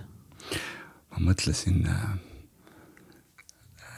alles hilja, alles mõni, mõni aeg tagasi, alles mõni päev tagasi siukse, siukse hullu mõtte, et, et ma olen vist liiga terava gaasiga naisi jahtinud. ma olen liiga püsse naisi nagu, nagu tahtnud ja ka saanud, eks. kas ainult välimuselt või nagu Ei, just, olemuselt? just nagu olemuselt, olemuselt, eks, jah, ma mõtlen niimoodi välimuselt ka, eks ole aga, aga just see temperamendi ja sellise nagu, nagu, nagu noh, et, et, et, et, et kui ma vaataks nüüd tulevikku, siis ma tahaks et palun mulle üks sihuke leplik ja sihukene lahke naine, eks ole tark loomulikult ja, ja ilus ja nii edasi, eks, aga just see, et, et, et äh, nagu see, kui öeldakse, et kaks kõva kivi nagu head seda jahu ei ahvata, siis see kõlab nagu mingi vanainimeste targutamine. aga tegelikult vist on ka nii ikkagi. aga mis sind on tõmmanud siis nende ja, naiste poole, ambitsioonikate tulemärkide? temperamentsete võimekate. jään kohe jooksu pealt nagu vastuse võlgu, eks ole, et ma proovin nagu mõelda, et, et ähm, ma ütlesin nendest vastuseta jäänud armastuskirjadest või sõbratsoonist ma rääkisin enne, et, et, et see mõte tuli mulle ka alles nüüd siin nädal tagasi või niimoodi, kui ma mõtlesin naiste peale. et võib-olla üks põhjustest ongi see toonased nagu nii-öelda vastuseta jäänud äh, sirutumised või, või armumised, eks ole. et, et see. aga ikkagi ka kõrged standardid, ma arvan või võib-olla, eks ole, aga, aga, aga ma ei arva, et need on põhjused, miks see on keeruline olnud, et, et keeruline olnud, on olnud äh, sellepärast, et ei ole asjale nagu pihta saanud, ma arvan. noh, isegi rumaluse tõttu, eks ole, mis vanusega ja arengutega on läinud vähe paremaks. ja, ja teine pool ongi seesama, mis ma ennem ütlesin, see, see kohutav ambitsioonikas ja ikkagi siis nagu kodust väljapoole fokusseeritus ja sealjuures ütleme mul noh, selles mõttes, et ikka nagu väga halvasti läinud ei ole, mul on kaks kihvti last, eks ole. ma olin kuusteist aastat abielus, eks ole, ja, ja seal väga palju sai õpitud ja väga palju sai kogetud ja oli väga palju ilusaid hetki, oli väga palju keerulisi hetki, eks ole. me saime täna, täna saame väga hästi läbi. millal te lahutasite? kaks tuhat kümme, et, et see oli kaks tuhat, kaksteist aastat tagasi, eks ole aga kuidas see protsess äh, oli, kuidas see läks, kuidas teie kui nii-öelda teadlik oli see lahkumineku valus see oli, kuidas sa toime tulid sellega, missugust leinaprotsessi sa siis tundsid? no selles mõttes peab natuke meenutama, aga see kindlasti ei olnud kerge, äh, sest et mul oli ikkagi tol ajal noh, ka nagu kõigil noortel on, ma usun ka tänapäeval, et kui sa kellegagi kokku lähed ja, ja hakkad koos elama või abiellud ja ammugi veel lapsi saad. et siis sa ju äh, ei mõtle, et see on ajutine sa ei mõtle, et see on kümne või viie või kahekümne aasta projekt, eks ole, mis siis, et enamik tundub, et lahutab mm. -hmm. et neid, kes ei lahuta, need on nagu ilmselges nagu vähemuses. minu vanustest on ainult võib-olla mm, noh, nagu mõned, eks ole, kes on esimese ringi peal koos. minu tuttavatest, oma, oma, omaaegsetest sõpradest. nii on, räägib siin ka vast, vast lahutatud Katrin Niidrikus oh. nii on ma ei teadnudki mm. -hmm. see on väga värske värk. see on jah, see on nii värske värk, et siin jah. Ja ametlikult paberit veel ei ole. no ja meie Janega ikkagi. on, on jah. noh, ma, ma tahaks noh öelda, et, et ma tunnen kaasa, aga samas äkki ei. peaks ütlema palju, palju õnne. jaa, muidugi Peep, palju õnne, palju õnne, et me ei ole enam nagu selles kohas, kus me peaksime üksteisele kaasa tundma. et nagu on kurb ja on valus ja sitaks raske on, aga ilmselgelt on need vajalikud tahtsin, ma korra lihtsalt, kui sa enne mainisid neid ambitsioonikaid naisi ja et mm -hmm. kuidagi, et sa juba tead, et nagu kaks kõva kivi omavahel nagu kokku võib-olla nii hästi ei sobi. et kas seal võib olla midagi, midagi sellist, et sa nagu teadlikult või alateadlikult tegelikult valid endale selliseid naisi, sellepärast et mitte iseennast lõpuni avada? ma ei ole kindel, sest ma lähedastes suhetes mul ei ole enda avamise, avamisega küll probleemi olnud mm.. ma mõtlen nii, nii sõbrasuhetes kui ka ikkagi intiimsuhetes naistega, eks ole. et, et see aga, aga ma veel korraks nagu mm. positiivse nurga peale ütle, hüppan ja mida, mida ma ka nagu noh, sul vist küll lapsi ei olnud sellest abielust, eks ole. et, äh, et see, see Southwesternisse minek on äh, raudselt mu elu paremuselt teine otsus mis on kõige parem otsus. no kumb siis, pulm või lahutus? pulm ikka jah, et, et, et ja, ja, ja Jane, Jane Vainuga abiellumine tuttavaks saamine, abiellumine üheksakümmend neli, eks ole. ja, ja muide, sellele eelnes ühe tänase, tänaseks juba väga lähedase hea sõbra, naissoost sõbraga, eks ole, selline ka tema jahtimine ja, ja igatsemine ja, ja, ja mittesaamine et, et, et, sellised nagu muutuda, ma, ja ma ei ole päris kindel, mis, mida põhjustas, eks ole. aga kindlalt seal midagi oli ja peale selle ma olin nagu rongist maha jäänud, kõik, ma olin USA-s olnud kolm aastat, kõik on juba abielus juba kahekümne viieselt, eks ole, lapsed. mul polnud nagu midagi, eks ole, et siis tahaks nagu järgi teha oh,. Wow. aga just seda, et, et, et mis siis, et on olnud raske ja, ja mis siis, et see, see konkreetne periood oli ikkagi nagu väga tume kuidas see abielu lahutamine? lahutuse aeg, eks ole, ja, ja, ja ka sellele eelnevad sellised nagu äh, perioodid, et, et see. aga kui ma vaatan, äh, kuidas elu on läinud äh, ja, ja, ja mis on selle tulemus ja, ja millised lapsed meil on mm.. noh, siin ei ole variantigi. aga kas see no, kas, kas see rahutus oli tume sellepärast, et sa kogesid ka tohutut kaotusvalu, leina. kõik, kõik asjad kokku, eks ole, süü ja häbi ja, ja siis see ideaalide purunemine ja vaata, kui ma ütlesin, et kõik noored ilmselt ju ei mõtle, et see on ajutine projekt mm. -hmm et siis me Janega fantaseerisime, et, et me oleme mingi kaheksakümmend viis ja sõidame koos nagu Türisalu pangalt või kuskilt Kalju otsast alla autoga näiteks, mingid sellised story'd no,. et vanadust sa ei sure, et paneme ise. see oleks grandioosne nagu minek on ju, täiega. ja, ja siis, ja siis nagu mingites nendes illusioonides nagu pettumine ja, ja siis kõik omaenda mingisugused arengud ja, ja hädad, eks ole, kus sa sees oled. ja noh, kõige rohkem ikkagi selline nagu endas pettumine ja, ja, ja, ja veel hullem oleks see, et, et mis see lastele teeb. noh, mu poeg ütles konkreetselt tol päeval, kui me teatasime, ta oli kaksteist, ütles, et, et aitäh, et umbes ma ei tea, et mu elu kõige kehvem päev argunnisite või, või aitäh, et mu elu ära rikkusite või midagi sellist, eks ole. no kujuta ette oh,, wow. et, et sul su oma poeg ja, ja, ja no ütleks niimoodi, et kuna poeg oli esimene laps, siis ma ütleks minu, mulle poja sünd on nagu vist kõige grandioossem sündmus terves mu elus, kuidas, milline teadvuse avardumine toimus, milline trip toimus nagu siis, tol päeval mm. et, et tripid nagu tripimata täiesti kaine peaga. esimene laps. esimene laps, eks ole, ise nägin pealt, võtsin oh., vaatasin silmadel on veerand tundi vana inimene, eks ole oh., vahib sulle otsa niimoodi nagu tulnukas, eks ja, ja siis nendes ideaalides pettumine, eks ole, nii et. ja siis kaksteist aastat hiljem ta ütleb sulle, et sa rikkusid mu nagu elu sisuliselt ära. kuidas sa sellega nagu hakkama no, said või kuidas sa valu kogesid no,? siis koged lihtsalt, eks ole. püüad nagu kuidagi nagu olla umbes selles. ja tead, et elu läheb edasi ja, ja, ja, ja see läheb ka üle, nii et, et ja, ja kui ma täna vaatan selle peale. ma ei tea ju, vaata, sa ei, sa ei saa neid, neid stsenaariumeid võrrelda aga ide-, lootusrikkalt tahaks ikka uskuda, et, et see, mis praegu on, on parem kui see, mis teist, teistmoodi oleks olnud. et, et kokkuvõttes ma vaatan oma lapsi praegu ja äh, kukkusid täitsa kenasti välja mm -hmm. ja ei ole see elu rikutud midagi mm. -hmm. kokkuvõttes. aga kas te olete rääkinud ka sellest samast hetkest äh, pojaga? vot õieti veel ei ole paar korda niimoodi servast, aga nagu sisulist juttu pole olnud, eks, eks need jutud tulevad nagu ja. omal ajal ja. ja, ja see isa-poja suhe, see on, see on kuidagi kellegiga just ka hiljuti nagu rääkisime, see poegadel oma isadega on alati ikka mingid hädad ja probleemid, et kas nad on nagu piisavalt kohal olnud või ei ole piisavalt kohal mm -hmm. olnud, on nad nagu haiget teinud või ei ole piisavalt haiget teinud ja.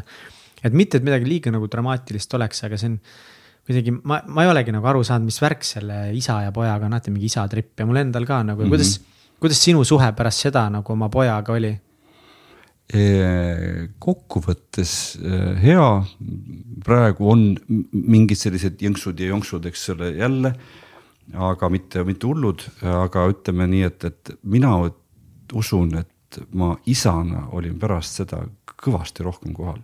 et, et ma, et, et, et ma ei, ma ei saa öelda, et see suhe oleks parem olnud, ma arvan, vastupidi, see suhe oli nagu, nagu kahjustatud ja, ja, ja ta oli keeruline, aga siis ma võtsin nagu auasjaks, et, et, et noh, kas siis pool aega või peaaegu pool aega, et lapsed on minu juures mm. -hmm. ja ma siis ikkagi kaks tuhat kümme kuni siis nagu, mis see nii kaua läks, eks ole.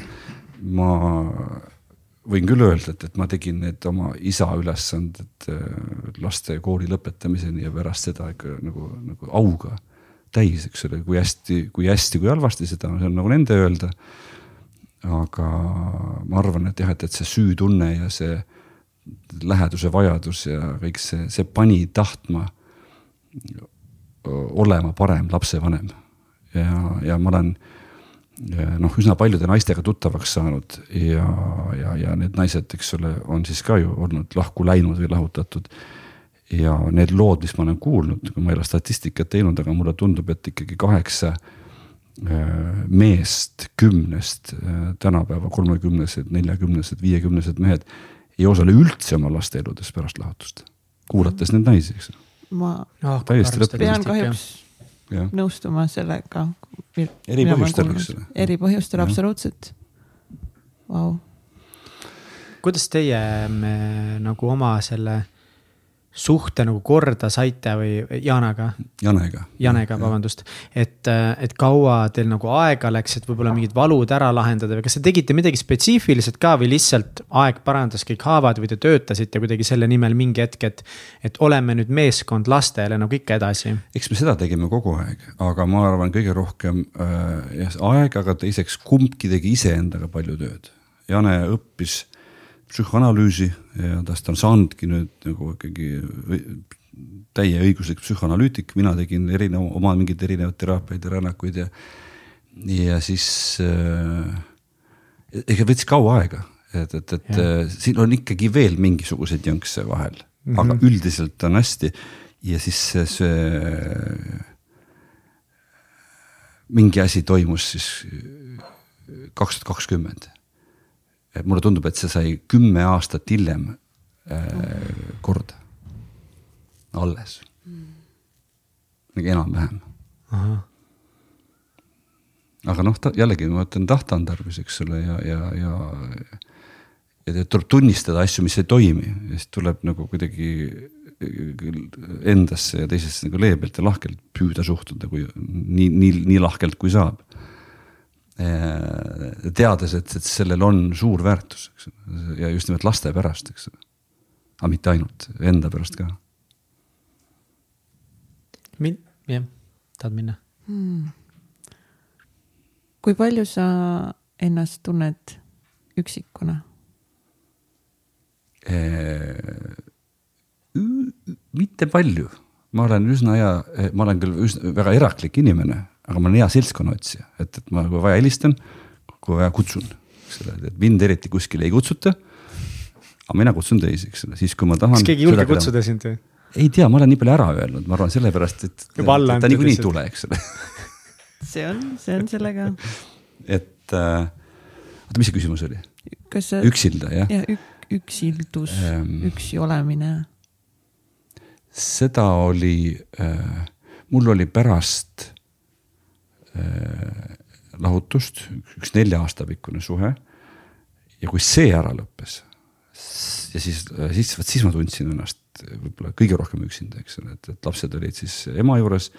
ma olin oma siis korteris üksinda. harjutasin klaverit, vaatasin Kopli tulesid sealt üle Kakumäe lahe, eks ole, ja, ja siis ma mäletan küll, aga viimastel aegadel äh, ma ei, ei julge väita küll, et see probleem oleks. Pigem on probleem, ma arvan, niisugune nagu aeg-ajalt sihuke elutüdimus. ma ei mõtle sihuke, et, et hakkan homme ennast ära tapma Jah. vaid sihuke, et lihtsalt asjad tüütavad ära. et, et äh, sellepärast ma ütlengi, see igavene elu tundub nagu mulle palju õudsem variant kui surm, eks ju. aga mis sind ära tüütavad siis või mis sa mõtled sellele? kõik nagu Kõik nagu tehtud juba näiteks kui sa oled liiga palju filme vaadanud jah, siis ma ei suuda enam kahetunniseid filme vaadata.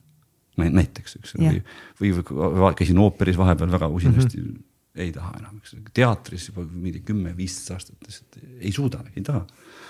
need on sellised nagu hästi banaalsed näited, eks ole, aga siis ongi tarvis, miks mul selle, kui me räägi- räägime korra sellest mm. tööst ja loomingust.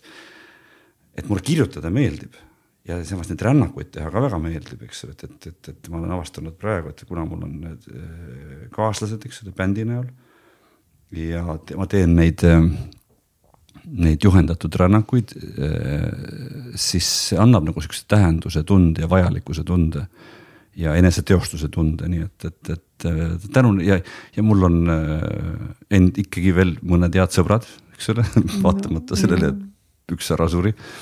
ja on, on ka teiste sõpradega juhtunud siin siukseid erinevaid äh, asju siin viimastel aastatel.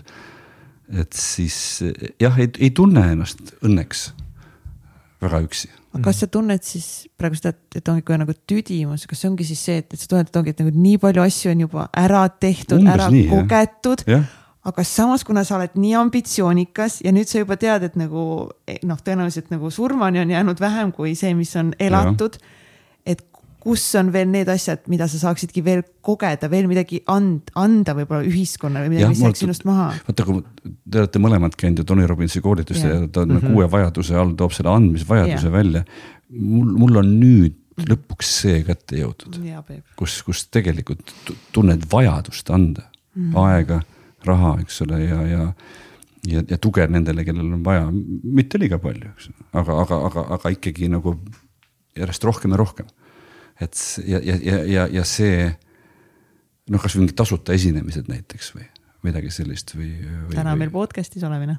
no aga see, eks ole. täiega. täiega.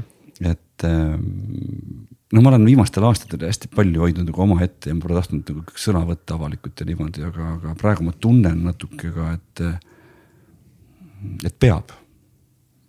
noh, nagu ja, ja mitte ja, ja mitte ainult enda pärast, enda pärast ka.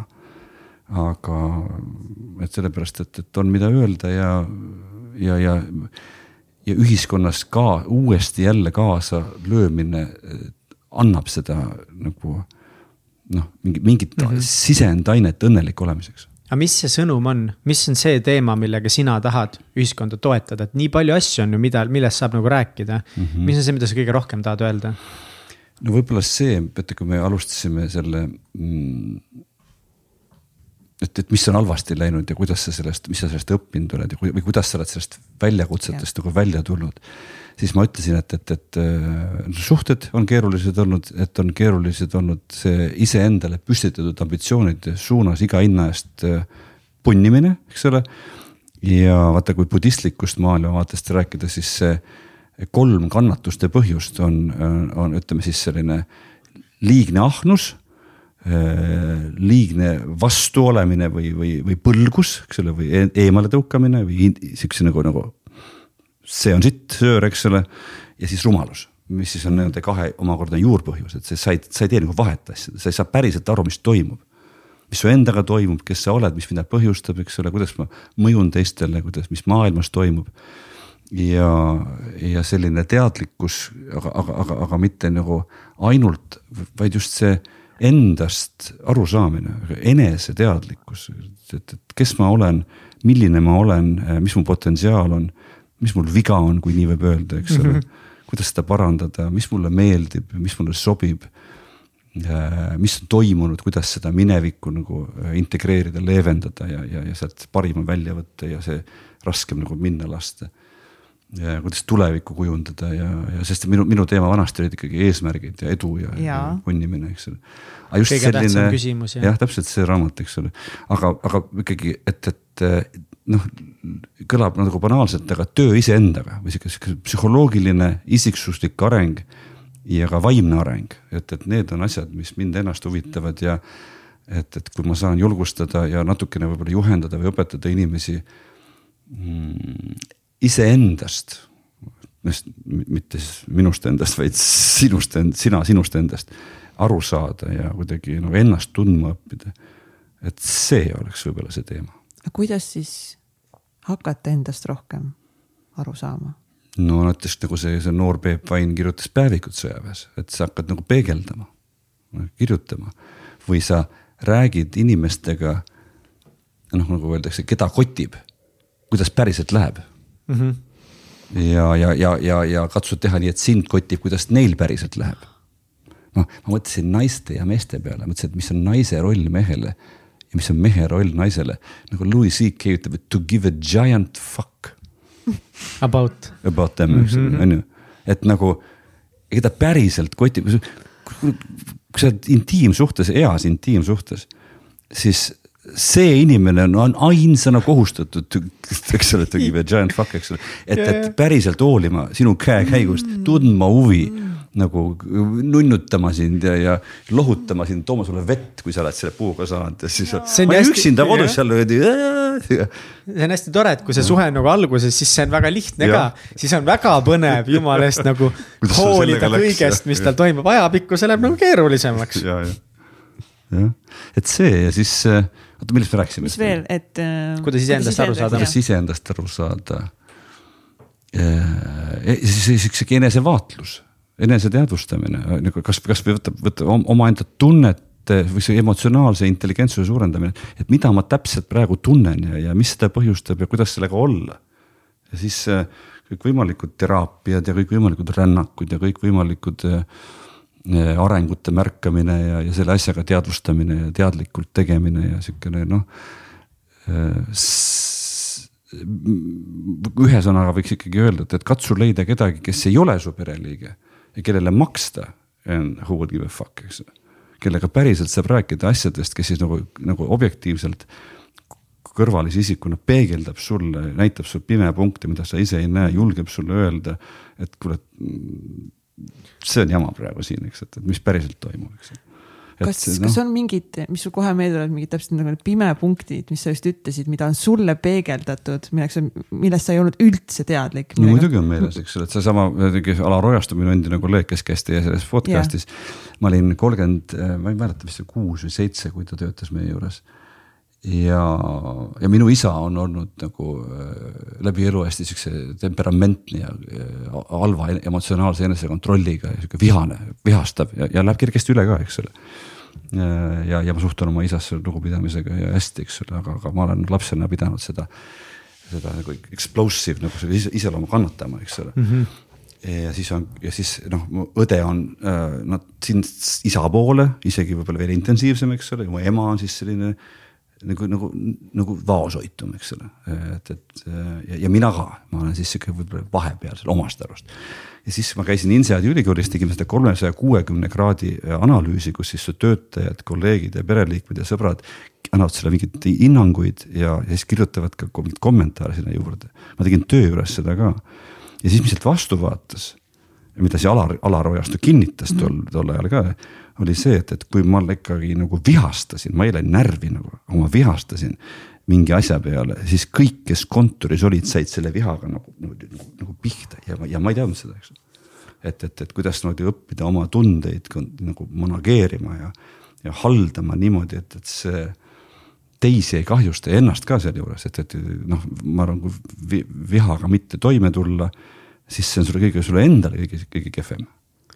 Ja noh, see on nagu lihtne, lihtne näide, et, et ma, ma, ma olin ausalt öeldes nagu šokeeritud, et, et inimesed selle vihaga, mis ei olnud absoluutselt nende vastu suunatud mm, -hmm. nende, nende poolt põhjustatud, vaid olid lihtsalt nagu see collateral damage. Mm, -hmm. et said nagu sellega haiget.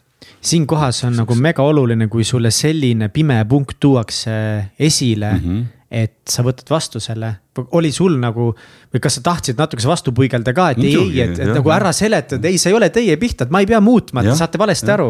aga miks ma Alarit mängu tõin, on see, et, et Alar käis, tuli just tööle ja käis nendele no saavutama õppimise, mis oli see minu UPW analoog käis sellel viiel koolitusel järjest, oli väga usin õpilane, kõiki asju ja siis üks pool aastat hiljem tuleb mu juurde ja küsib, et kuule kuidas nii on, et sa oled koolitusel nii, tundud nii ideaalne inimene ja töö juures oled vahest selline mölakas?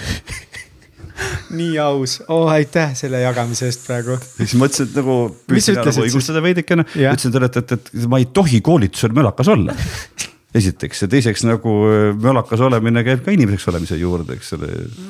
noh, mõõdukalt kas ma korra räägin ühe Alari looga, eh, ma ei tea, kas sa kuulasid saadet, aga Alar Ojast. tema, see tema saade oli üks väheseid, mida ma kuulasin. väga lahe, sest lihtsalt nagu minu meelest see tegi Alari nii paljudele inimestele ehtsaks, autentseks, kus ta rääkis seda autolugu, kuidas ta kunagi koolitusel rääkis kõigile, oleme mindful ja rahu ja tervislikud ja, ja, ja, ja rahulikud. ja siis, kuidas ta kihutas vihaselt Tallinn-Tartu maanteel siis mingist tüübist mööda nagu, et näitas punast tuld, et no kõigepealt sa räägid, oleme mindful. ja siis paned kuskil maanteel hullu ja signaalitad, et laske mind mööda, ma olen oma mersuga.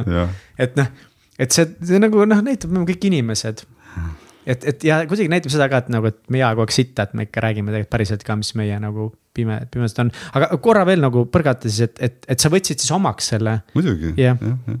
kui kiiresti? Äh, no ikka suht kiiresti, sest et, et see ei olnud ainult, see tuli mitmest, see tuli mitmest allikast ja selle juurde käib verust tulev lugu on see, et, et mul oli koolitustel nende, nende pull-up bännerid, eks ole. sündmus, mis muudab sinu elu, eks ole, ja siis nagu noh, sihuke no, registreeri-, registreerimise juures on lauad, tüdrukud panevad kirja inimesi, siis on need. ja siis oli üks poster, kus oli, ma olin profiilis. sama äh, äh, sõbranna Inga, keda ma siis nagu küll äh, Ameerika perioodi lõpus nagu jahtisin, aga ei saanud, eks ole okay.. kes on minu tütre ristiema täna ja siis Inga tuli ühele koolitusele, tegi pilte ja tegi ühe siukse profiilipildi, see oli sihuke kihvti, kihvt nagu mustvalge pilt. Ja siis ma olin selle, kolleegid olid pannud selle bänneri nagu töö juurde ukse kõrvale koridori ja läksin üks päev koju. ja vaatasin, hakkasin, jäin seda bännerit nagu jõllitama ja ma katsin kinni äh, niimoodi, et jäi ainult ütleme siit noh nina ja lõug, eks ole, ja suu. ma pidin pikali kukkuma, sest et selle pildi pealt, kui ma olin niimoodi ära katnud, vaatas vastu keegi muu kui mu, kui mu isa profiilis, eks, et täpselt samasugune, eks ja siis mõtled, et pagan, aga ma ju siis, kus, kus ma selle oma isa iseloomu eest siis pääsen. nagu täielikult, eks. aga just, et see, et ma ennem nimetasin neid, neid müstikarännakuid ka, et, et, et see ongi üks minu moodus panustada.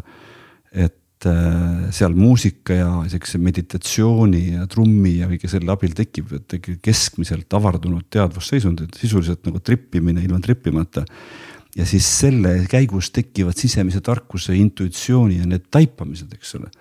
ja kuna ma olen ise samasuguseid asju eri, väga erinevates asendites nagu proovinud, siis ma tean, kuidas see mõjub, kuidas see aitab, et kui sulle pannakse see kuidagi nagu peegel vastu ja sa näed ilma vaidlemata, milline sa oled ja sul on see sihukene nagu, nagu kõrgendatud moraalne majakas ja see justkui äh, isegi sihukene nagu näppu viibutav see sisse sisemine, sisemine mina ütleb sulle, et, et, et mida ei tohi teha ja mida peab tegema ja niimoodi, et, et, et aga just, et kõige rohkem noh, ja ma peaksin ühe tööriista välja tooma, sa küsisid sinu küsimusele. Äh, siis selleks on see varjutööriist ikkagi, et, et kuidas sa saad aru noh, ma nimetasin mölakat ennem näiteks, eks ole, kuidas niisugune mölakas või asshole või, või kuri või vihane või selline tüüp sa ka võid olla ja oledki vahel. ja teise külje pealt jällegi, kuidas sa seda oma neid, neid hingellikumaid potentsiaale rakendad ja lubad ja, ja, ja võimendad. ja lõpuks tuled siis selle seest, et nagu own'id kogu seda sitta, eks ole. ja, ja, ja noh, tunnistad omaks ja ka oma potentsiaalid ja kuidas sa seda kogu seda valgust ka endale nagu lubad aga ma ei saanud hästi aru praegu, mis see, oota, mis see varjutöö? varjutöö on see, kus sa. aa, varjutöö, mitte varjutööriist. varjutöö, varju, varjutöö on tööriist, eks ole.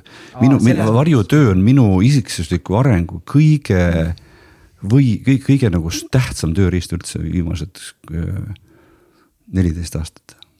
et ma, ma teen nii, et kui keegi mind närvi jääb, ma kohe küsin endalt, kuidas see minuga on seotud. katsun sellest ruttu aru saada ja siis võtan selle vastu ja panen kirja, mul on, mul on fail, kus on kirjas kõik, missugune, kui halb inimene ma olen või olla võin ma hakkasin oma tütrele seda lugema kaks nädalat tagasi, ta ütles kolmandiku pealt ära rohkem loe, see on liiga õudne, eks. aga mulle teeb see nalja, sest et, et, et kui ma kogu selle halva poole nagu ära tunnistan mm, -hmm. siis see kaotab kontrolli mu üle uh.. Uh. ja siis ma võin seda kasutada, kui hädavaja okay.. olla agressiivne või valelik või kõiki neid asju, kui on vaja. Õnneks ei ole vaja, kuigi tihti, üldse peaaegu mitte.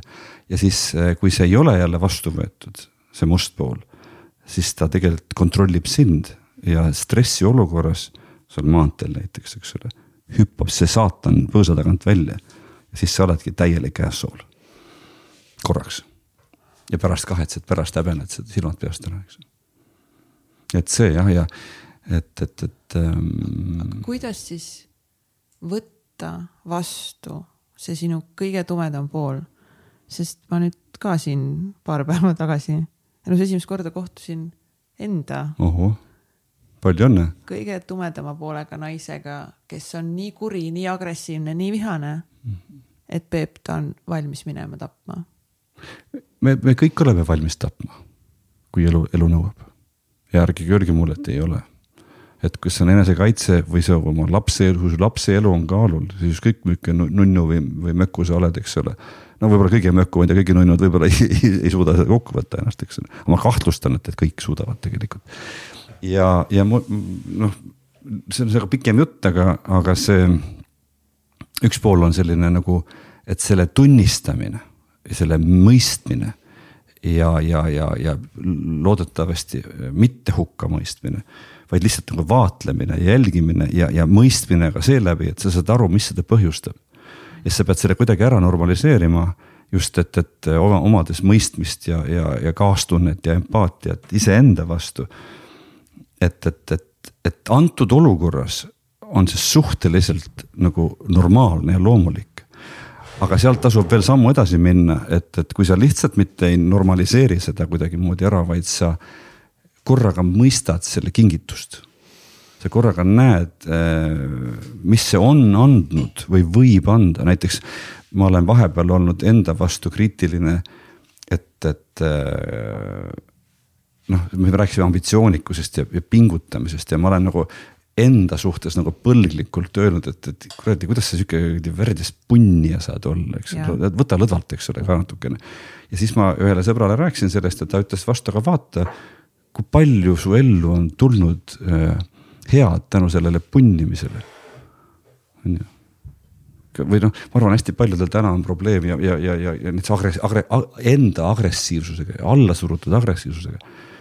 aga agressiivsus ei ole üldse nagu, ükski nendest asjadest ei ole iseenesest halvade, halvade vead, eks ole. ja kui sa pead enda eest seisma või piire kehtestama või ei ütlema või, või, või, või kaitsma midagi. Kui sul seda, seda agressiivsuse tööriista kätte ei ole võtta, siis sa jääd alla lihtsalt näiteks, eks ma olen eluaeg nagu pugejate peale viltu vaadanud või noh, ma üks varjukriips avastasin hiljaaegu. mis noh, tundub nagu süütu täielikult, eks ole, on kaasanoogutaja. Ja siis nagu äh, oli ühe, ühe inimesega niisugune juhtum, mõtlesin, et, et, et mis mulle tema juures ei meeldi ja mis on tema roll olnud ja ma leidsin, et ta on olnud minu elus sihuke usin, ustav kaasanoogutaja. ja natuke nagu korraks vaatasin viltu selle peale ja siis ma kohe küsisin endalt, oota, aga kas ma ise ei ole või? aga kaasanu, mis see nagu tähendab? kaasanuugutaja on see, et see nagu yes man põhimõtteliselt, halvas mõttes yes man et see on ikkagi natuke, see koorub see välja, et ta ei tunne oma piire, ta teeb nagu kuidagi rohkem teiste jaoks. ta, ta ütleme, kiidab heaks, et vahet tegemata näiteks mm, -hmm. eks ole. või, või selleks, et olla head suhetes või meeldida näiteks või niimoodi mm. -hmm. ja siis äh, ma sain sellest õnneks väga ruttu jaole, et et mõtlesin, et kõik head müügimehed on ilged kaasanoogutajad. mõtle korraks selle peale. head intervjueerijad on head kaasanoogutajad. Mis sa praegu teed, natuke nooguta kaasa. ma ise olen terve elu endale nagu rahakotti raha kaasa noogutanud müügimehena. selle taga noogutamise taga siis põhimõtteliselt nagu, vaata, kui sa noogutad ka, siis see ei ole autentne, ehk siis või? natuke et, ei ole jah, tol hetkel natuke ei ole. probleem on nagu aga, selle taga see, et sa oled võlts siis. jah, võlts või, või no. ja siis ongi see, et, et aga süve, süvenemata sellesse teemasse, ma tahan öelda seda, et, et, et minu kõige esimene varjukülg, mida ma selle varjukoolitusel kaks tuhat kaheksa vaatasin tõtt ja mida ma, küsimus on nagu selles, et, et mida sa küll nüüd olla ei taha. et mida, ma võin sulle kõike öelda ja sa võid mulle kõike öelda, aga seda ei tohi mulle öelda, sest et see ei ole tõsi näiteks ma pidasin ennast kohutavalt autentseks inimeseks, eks ole, koolitustel ka ja noh, nagu tänapäeval see mm -hmm. ma ei olnud nii enesepaljastav, nagu siin tänapäeval kombeks on, aga, mm -hmm. siiski ma rääkisin koolitusel oma asjadest üsna avatud tekstiga, siiamaani räägin mm. -hmm. Aga olid siis tegelikult autentne või päris autentne ikka ei olnud, või olid mingis rollis? mõlemat, ilmselgelt mõlemat ja siis, ja siis kuidagi nagu mind kohutavalt ärritas et kui näiteks öeldakse, et mis, mida ajaleht ei tohi su kohta panna näiteks. ja kui keegi ütleks, siis tol ajal mul see oli kaks tuhat kaheksa, mõtlesin, et kui keegi ütleks, et, et Peep Vain on üks sihukene libe müügimees, libe võlts müügimees, see mul absoluutselt ei mahtunud nagu kõrist alla. ma, ma mõtlesin, et te võite mulle kõike öelda, te võite mulle seda, teist, aga vot libe müügimees, võlts, teeskleja, seda ma küll ei ole aga kui see sind kõige rohkem trigerdas, kas siis sa mingis osas kartsid, et see sa äkki just oledki või? ega ma, ma üsna ruttu avastasin, et see ma olengi olnud ju uh.. ja siis, ja siis on küsimus ka, et aga mis selles head on mm? -hmm. näiteks kui ma ütlen võlts. kui ma pean tegema koolitust või oletame, et ma olen saatejuht, ma pean tegema saadet ja mul sureb lähedane inimene ära, näiteks ema sureb ära eelmine päev ja mingil põhjusel on kasulik või hädavajalik mitte ära jätta seda. siis on sul valida, kas sa siis äh, teed seda ja nutad ja ei täida oma ülesannet või sa teeskled, et sul on hästi. ja see nende inimeste jaoks, kellel absoluutselt pole sinu emast ega sinust sooja ega külma, eks ole. noh, tegelikult ja. sa teenid neid tolles hetkes äh, pettes nad ära oma tegelike tunnete osas. ja siis sa lähed koju ja siis sa oled oma tunnetega koos mm. -hmm ja vaatad enda ema pilti näiteks, aga, aga, aga nendele tegid sa selle töö ära, nii nagu nemad lootsid, maksid ja kogesid, eks ole. et seal on kindlasti ongi nüüd nagu mingisugune vahe või mingi piir, et, et kes aeg-ajalt teevad seda nii-öelda heast kohast, et teenida Tead, kedagi, teadlikult, teadlikult teenida versus need, kes ja. teenivad seda selle all, et püüda mingit poolehoidu, mis Oda, odavat populaarsust võita näiteks, eks ole, ja, ja. aga just, et, et see sama teadlikkuse küsimus ongi, mu meelest nagu isiksusliku arengu mõttes ja siukse psühholoogilise arengu mõttes, et mis tegelikult toimub, et mis minuga tegelikult toimub, et, et kui seda küsimust nagu küsida ja, ja püüda aru saada, et, et, et see võtab nii palju kannatusi vähemaks, et, et see jah, ja see, see ja selle üle ma noh võin küll ausalt öeldes isegi uhkust tunda, kuigi see sõna mulle üldse viimasel ajal ei meeldi, eks ole. et, et noh, mulle meenub siinkohal jutt Carl Jungist, kes siis tegeles eneseuurimisega tunde ja tunde päevas, ta analüüsis oma unenägusid. ja ta siis ta võib-olla nagu kõigist nagu lääne kultuurile teadaolevatest psühholoogidest või inimest tarkadest, eks ole, tegeles siis eriti oma elu teises pooles äh, eneseanalüüsi ja uurimisega. ja kui ta üheksakümmend sai, siis mõni aeg enne ema surma ütles, et, et ma olen endale suurem müsteerium nüüd kui kunagi varem. ja siis tahaks öelda, et oli siis mõtet nagu või? aga, aga ja ta ütleks vastu, et ja oli küll, ma arvan vaatamata. just sellepärast, et, et kannatusi on vähem, mina usun, ma ütlesin, see, see budistlik vaatevinkel, et sul on mm -hmm. lollus, ahnus ja, ja põlglikkus või vihkamine. ja kõige hullem on lollus, eks ole, et kui sa lollust vähendad, kui sa siis kannatused vähenevad, eks ja lollus ka enese suhtes kas siis mõnes mõttes üks elu eesmärk võib ka olla lihtsalt kannatustest vabaneda või mm? -hmm. kas budismi vist mingi eesmärk ongi kannatustest leevendada või vähendada. karmarattast välja saada või? Mm -hmm. Ja. ja kui sa küsid selle andmise kohta, siis äh, ma kunagi selles samas raamatus Kõige tähtsam küsimus kirjutasin juba siis, kaks tuhat kaheksa et, et kui keegi, üks noor mees, üks raamatumüüja tuli minuga vestlema, Fred Murumaa ja küsis mu käest, et, et mis su missioon elus on nüüd ja mul oli nagu mingi viiner suus umbes, eks ole, restoranis ja. mõtlesin, et, aidata teistele vähendada kannatusi, et panin nagu Buda selle missiooni tuuri. ja ta ja hiljem mõtlesin, et, et see, et ma mõtlesin päriselt tookord niimoodi ja mõtlen siiamaani. et läheks natuke kergemaks just läbi lolluse, lolluse vähendamise mul see minu sõber Raun, kes on meil see klav, klavi- ja klahvpillimängija, ütles, et peaks tegema ühe sisemise tarkuse rännaku, mille nimi on Ära ole loll. kindlasti müüb väga hästi, ära ole loll. ma mõtlesin, et kas ei tule kedagi või tuleb palju rahvast, eks ju.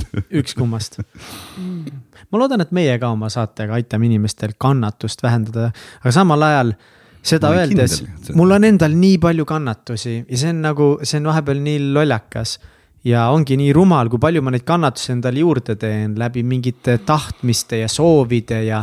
ja kirged, et nagu kõike tahaks, ma tahaks uuemat telefoni ja ma tahaksin olla tugevam ja suurem ja ilusam ja rikkam ja. Ja paremat naist ja pare-, suurt ettevõtet, ma ei taha väikest, ma saan suurt ettevõtet ehitada ja see kõik. ja täpselt ja see kõik loob nii palju kannatust mm -hmm. samal ajal sinna kõrvale. aga samas ma nii hullult usun ka sellesse eneseteostusesse ja, ja, ja ma usun täiega, et inimene on loodud, ongi kasvama, on ju, ja kasv tuleb läbi erinevate tegutsemise ja lihtsalt see kuradi tasakaal siis nagu sellest kannatusest lahti laskmisest ja samal ajal nagu kasvamises ja, ja tegutsemises, see on lihtsalt no, ma ei tea, kus on, kannatan ja liigun edasi mida ütleb Peep selle peale? Peep ütleb jah. jah see on see, mille lihtsalt nagu. Peep noogutab kaasa lihtsalt. kui sa oleksid nagu ostnud nagu Peebu konsultatsiooni mingi kümne tuhande euro eest ja sa räägid talle täpselt see asja, asja ära ja ainuke asi, mis Peep ütleb, jah. sest no persse on seda startup'i vaja ehitada, see on üks suur hunnik kannatust nii, mulle meeldib see teema, küta seda vaata. aga, aga, aga samal ajal on ju. sõltub vanusest, ma tahaks öelda. küsi küsimusi, las Peep vastab. ja ma võin vastata küll. nii. küsi sama, küsib, kas on mõtet. kas on mõtet ehitada startup'i, loob väga palju kannatust. kui see, kui see läheb sinu natuuriga kokku ja kui sul on need ambitsioonid, äh, mis tulevad loomulikust sinu seest, loomulikult, loomulikust, loomulikult, jah. sest et äh, seesama koolitusfirma, mille nimi oli Vain ja partnerid, oli tegelikult tolle aja startup täiega. jah, et, et see kultuur, mis meil oli, oli täpselt selline, nagu täna parimates startup ides on, eks ole, ja, ja, ja need, need arengule orienteeritused ja sihuke inimlik suhtumine ja. ja, ja sihuke nagu, nagu peretunne ja saime kahe tuhande neljandal ja kahe tuhande viiendal või ka kahe tuhande kuuendal Eesti kõige töötaja ja peresõbralikuma firma kõige auhinna. kõige kõigem. kõige kõigem. kõige kõigem, ülikõva. Miks mul see ekraan siin ees on? jah, ja tegelikult ma nagu teatud kannatus võib-olla on vahepeal vajalik, et kuidagi nagu just need on need elu polaarsused, et äh, saada aru, mis on hea, mis on halb, mis on midagi väärt. sest noh, lõpuks kõige rohkem ma ikkagi nagu kardan seda, et kui sa oled äh, siis lõpuks mis iganes vanuses sa oled ja vaatad taha ja mõtled, et see elutee oli nii igav ja üksluine. Siis see tundub nagu kõige suurem kurbus ja kannatus jah, see on nagu üks sihuke odav, tundub, et odav klišee, aga, aga öeldakse, et inimesed kahetsevad ikkagi oluliselt rohkem tegemata jäänud asju kui ämbrisse astumisi mm. -hmm. et, et selles mõttes tasub äh, võimalikult nutikalt ja ütleme, suuri vigu mitte korrates ja hiljem nagu ka mitte võib-olla suuri vigu järjest vähem tehes, eks ole, ikkagi liikuda ja proovida ja et see ja jällegi ma rõhutan, et see on natuurist kinni, et, et ma olen eluaeg koolitustel õpetanud isiklikku vastutust, eks ole hmm,, isiklik nii. vastutus. nii, mis tähendab isiklik vastutus? ise, mina ei otsi vabandusi, mina analüüsin äh, ebaõnnestumise põhjusi, leian oma osa sellest ülesse, võtan selle vastu ja tunnistan, parandan vea, kahetsen pattu, parandan vea äh, ja lähen edasi ma olen nõus sellega siiamaani. ja nüüd, kui ma lugesin hinduismi kohta, ma avastasin ühe kihvti raamatu World's Religions. autor on Houston Smith. issand, ma olen nagu laps kommipoes, eks ole, kus, mees viie, viiekümnendatel kirjutas selle raamatu, ameeriklane, Hiinas sündinud, eks ole, ja ja ta räägib siis nagu need kõik need pearealised religioonid hästi sõbralikult ja soosivalt lahti, otsides ühisosa ja hinduismist näiteks ta räägib ka siis jooga erinevatest teedest ja ja, ja, ja tead, e, e, e, erinevad inimesed, nendele sobibki erinev tee. ja siis ta ütleb, et, et, et siis on üks ja see kastisüsteem, mis need ei ole üldse nii nagu, nagu, nagu saatanast, nagu meil on maalitud see, eks. sest ongi erinevad inimesed, erineva, erinev elutee, eks ole. ja ta ütleb, et, et, et tööliste elutee Need, need, need, kes on sellised nagu lihtsama töö tegijad ja väga palju mõelda ei viitsi ja niimoodi. Ja ta ütleb, et, et see on nagu pealtnäha vastuoluline, et nad tahavad, nende suurim vajadus on vabadus. ja üks asi, mida nad ei taha, on vastutus. et, et me, ma olen nagu arvanud terve elu, et, et kõigile peab õpetama isiklikku vastutust ja seda nagu rõhutama. aga mis siis, kui talle ei sobi see üldse näiteks? talle pole vaja seda võib-olla õpetada, et, et, et no ta võib proovida, tal ei tule see välja et siis mõtlengi, et, et, et kellele mis nagu sobib. Jah, ja see on üks põhjus, miks väga paljud inimestel näiteks sobib sõjaväes töötamine. jah, ise Sest, mõtlema ei pea, eks ole. ja see ei ole otseselt nagu halb. ei. jah jah, ja samamoodi ma ei ütle ka, et, et lihttöö on halb või, või et, et, et selline oma peaga mittemõtlemine või käsu täitmine on halb või. et, et need ongi erinevad teed, eks ole, noh, noh ta toob ka välja joogas näiteks jooga kui jumalani jõudmise tee või see teadvuse avardamise vahend et, et, et ähm, noh, kõik me teame seda võimlemist, hatha joogat, eks ole, läbi keha. siis on ju veel, äh, neid on mitmeid-mitmeid, aga need levinumad on näiteks nagu bhakti jooga, mis on siis no, läbi armastuse, eks läbi emotsioonide. ja siis on veel üks äh, njana jooga, mis on läbi teadmiste teadmiste jooga, see, see ilmselt see, mis nagu mulle koos selle kehalise või, võimlusega sobib. et sa püüadki aru saada, püüadki õppida, püüadki areneda, püüadki nagu läbi mõistuse, läbi seoste, läbi teadvustamise justkui seda teadvust avardada, eks. ja kus kohas me tegeleme liiga palju kogu selle arusaamisega ja lihtsalt elame hetkes liiga vähe, et nagu, kas seal on mingi punkt, kus sa näed, et noh et, et, et lõpuks me nagu, et me jäämegi ja. lõpuks sellesse kinni, et kes ma meie. olen, kes ma olen, kes ja. ma olen. siin ei ole meiet, eks ole, ühele sobib, teisele ei sobi mm. -hmm. ja selles mõttes vaata, kui me püüame kõiki ühe mõõdupuuga mõõta ja siis ennast tunda halvasti tänu sellele, et me võrdleme ennast teistega, kes näiteks on siuksed hipimad või chill imad või niimoodi nagu oskavad rohkem võib-olla hetkes olla ja Nendel on omad, omad puudused, omad miinused, eks, et, et, et sellest see, selle, sellepärast see religioonide uurimine ongi mind sel suvel nii rõ- nagu ka selle- sellepärast rõõmustanud, et, et, et, et tulebki lubada sul olla see, kes sina oled ja tal olla see, kes tema on, eks näha on, et see raamatus hästi mõjub, kui nii kui sa hakkasid sellest raamatust rääkima, nii suur naeratus tuli kohe näole. Muidu ilus tõsine ei, ei ole. me hakkame kohe otsi kokku tõmbama selle ülivinge vestlusega. Mm, kas on midagi, mida sa tahaksid ise veel mainida või jätta endast taha siia mikrofoni? jätta endast taha jätta endast taha või jätta endast maha. sõnad, mida Peep Vain jättis endast taha, tulevad nüüd Roland Toko küsis mu käest ühe Edu Akadeemia mini e-raamatu jaoks kaks küsimust. noh, ta küsib teistelt ka, ilmselt see mingi turunduslüke, eks ole. ja siis üks küsimus oli, et, et kuidas ennast armastada ja teine, teine küsimus oli, et, et eh, kuidas teada saada seda, mida sa tegelikult tahad. ja minul siis ma mõtlesin, et kirjutaks talle ühe lausega. et ähm, see teine, et mul tuli kolm lauset tegelikult, et see, kuidas ennast armastada. et see võiks olla ikkagi enda tunnet, tundmise, enda järjest parema tundmaõppimise ja, ja, ja, ja arendamise, aga ka vastuvõtmise sellisena, nagu sa oled. läbi selle, eks ole. aga sa, sa, sa ei saa vastu võtta, kui sa ei tunne, eks ole. tund-, tundmine, uurimine, seesama Carl Jungi enese uurimine ja ega teise teisele, vot kuna mul oli see koolitus saavutama õppimine, mille pealt ma tegin raamatu Kõige tähtsam küsimus ja siis see kõige tähtsam küsimus oli, et mida sina tegelikult tahad, et, et mis eesmärki valida, mis visiooni luua, kuidas seda siis otsustada ja teostada ja ellu viia. siis mõtlesin, et, et hea enesereklaami võimaluseks kirjutada Dokole sinna, et, et, et kuidas saada teada, mida sa tegelikult tahad, loe raamatut Kõige tähtsam küsimus.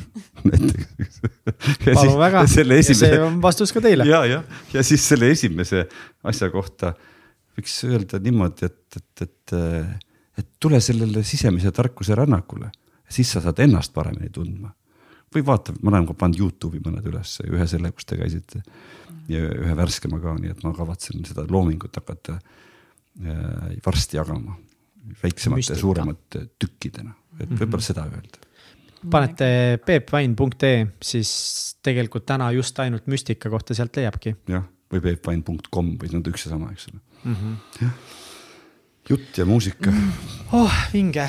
äge, ma, ma, mul on lihtsalt nii hea meel, et äh, teine pool sellest saatest oli väga sügav, ilus aus mitte et esimene pool ei oleks olnud aus, aga kuidagi ma tundsin, et see teine pool oli, sa läksid sinna nii mõnusasse tsooni sisse, kus sa päriselt avasid enda neid varjukülgi ja neid tumedamaid pooli ja, ja seda, kui sa ütlesid, et sa nägid seda, seda bännerit seal.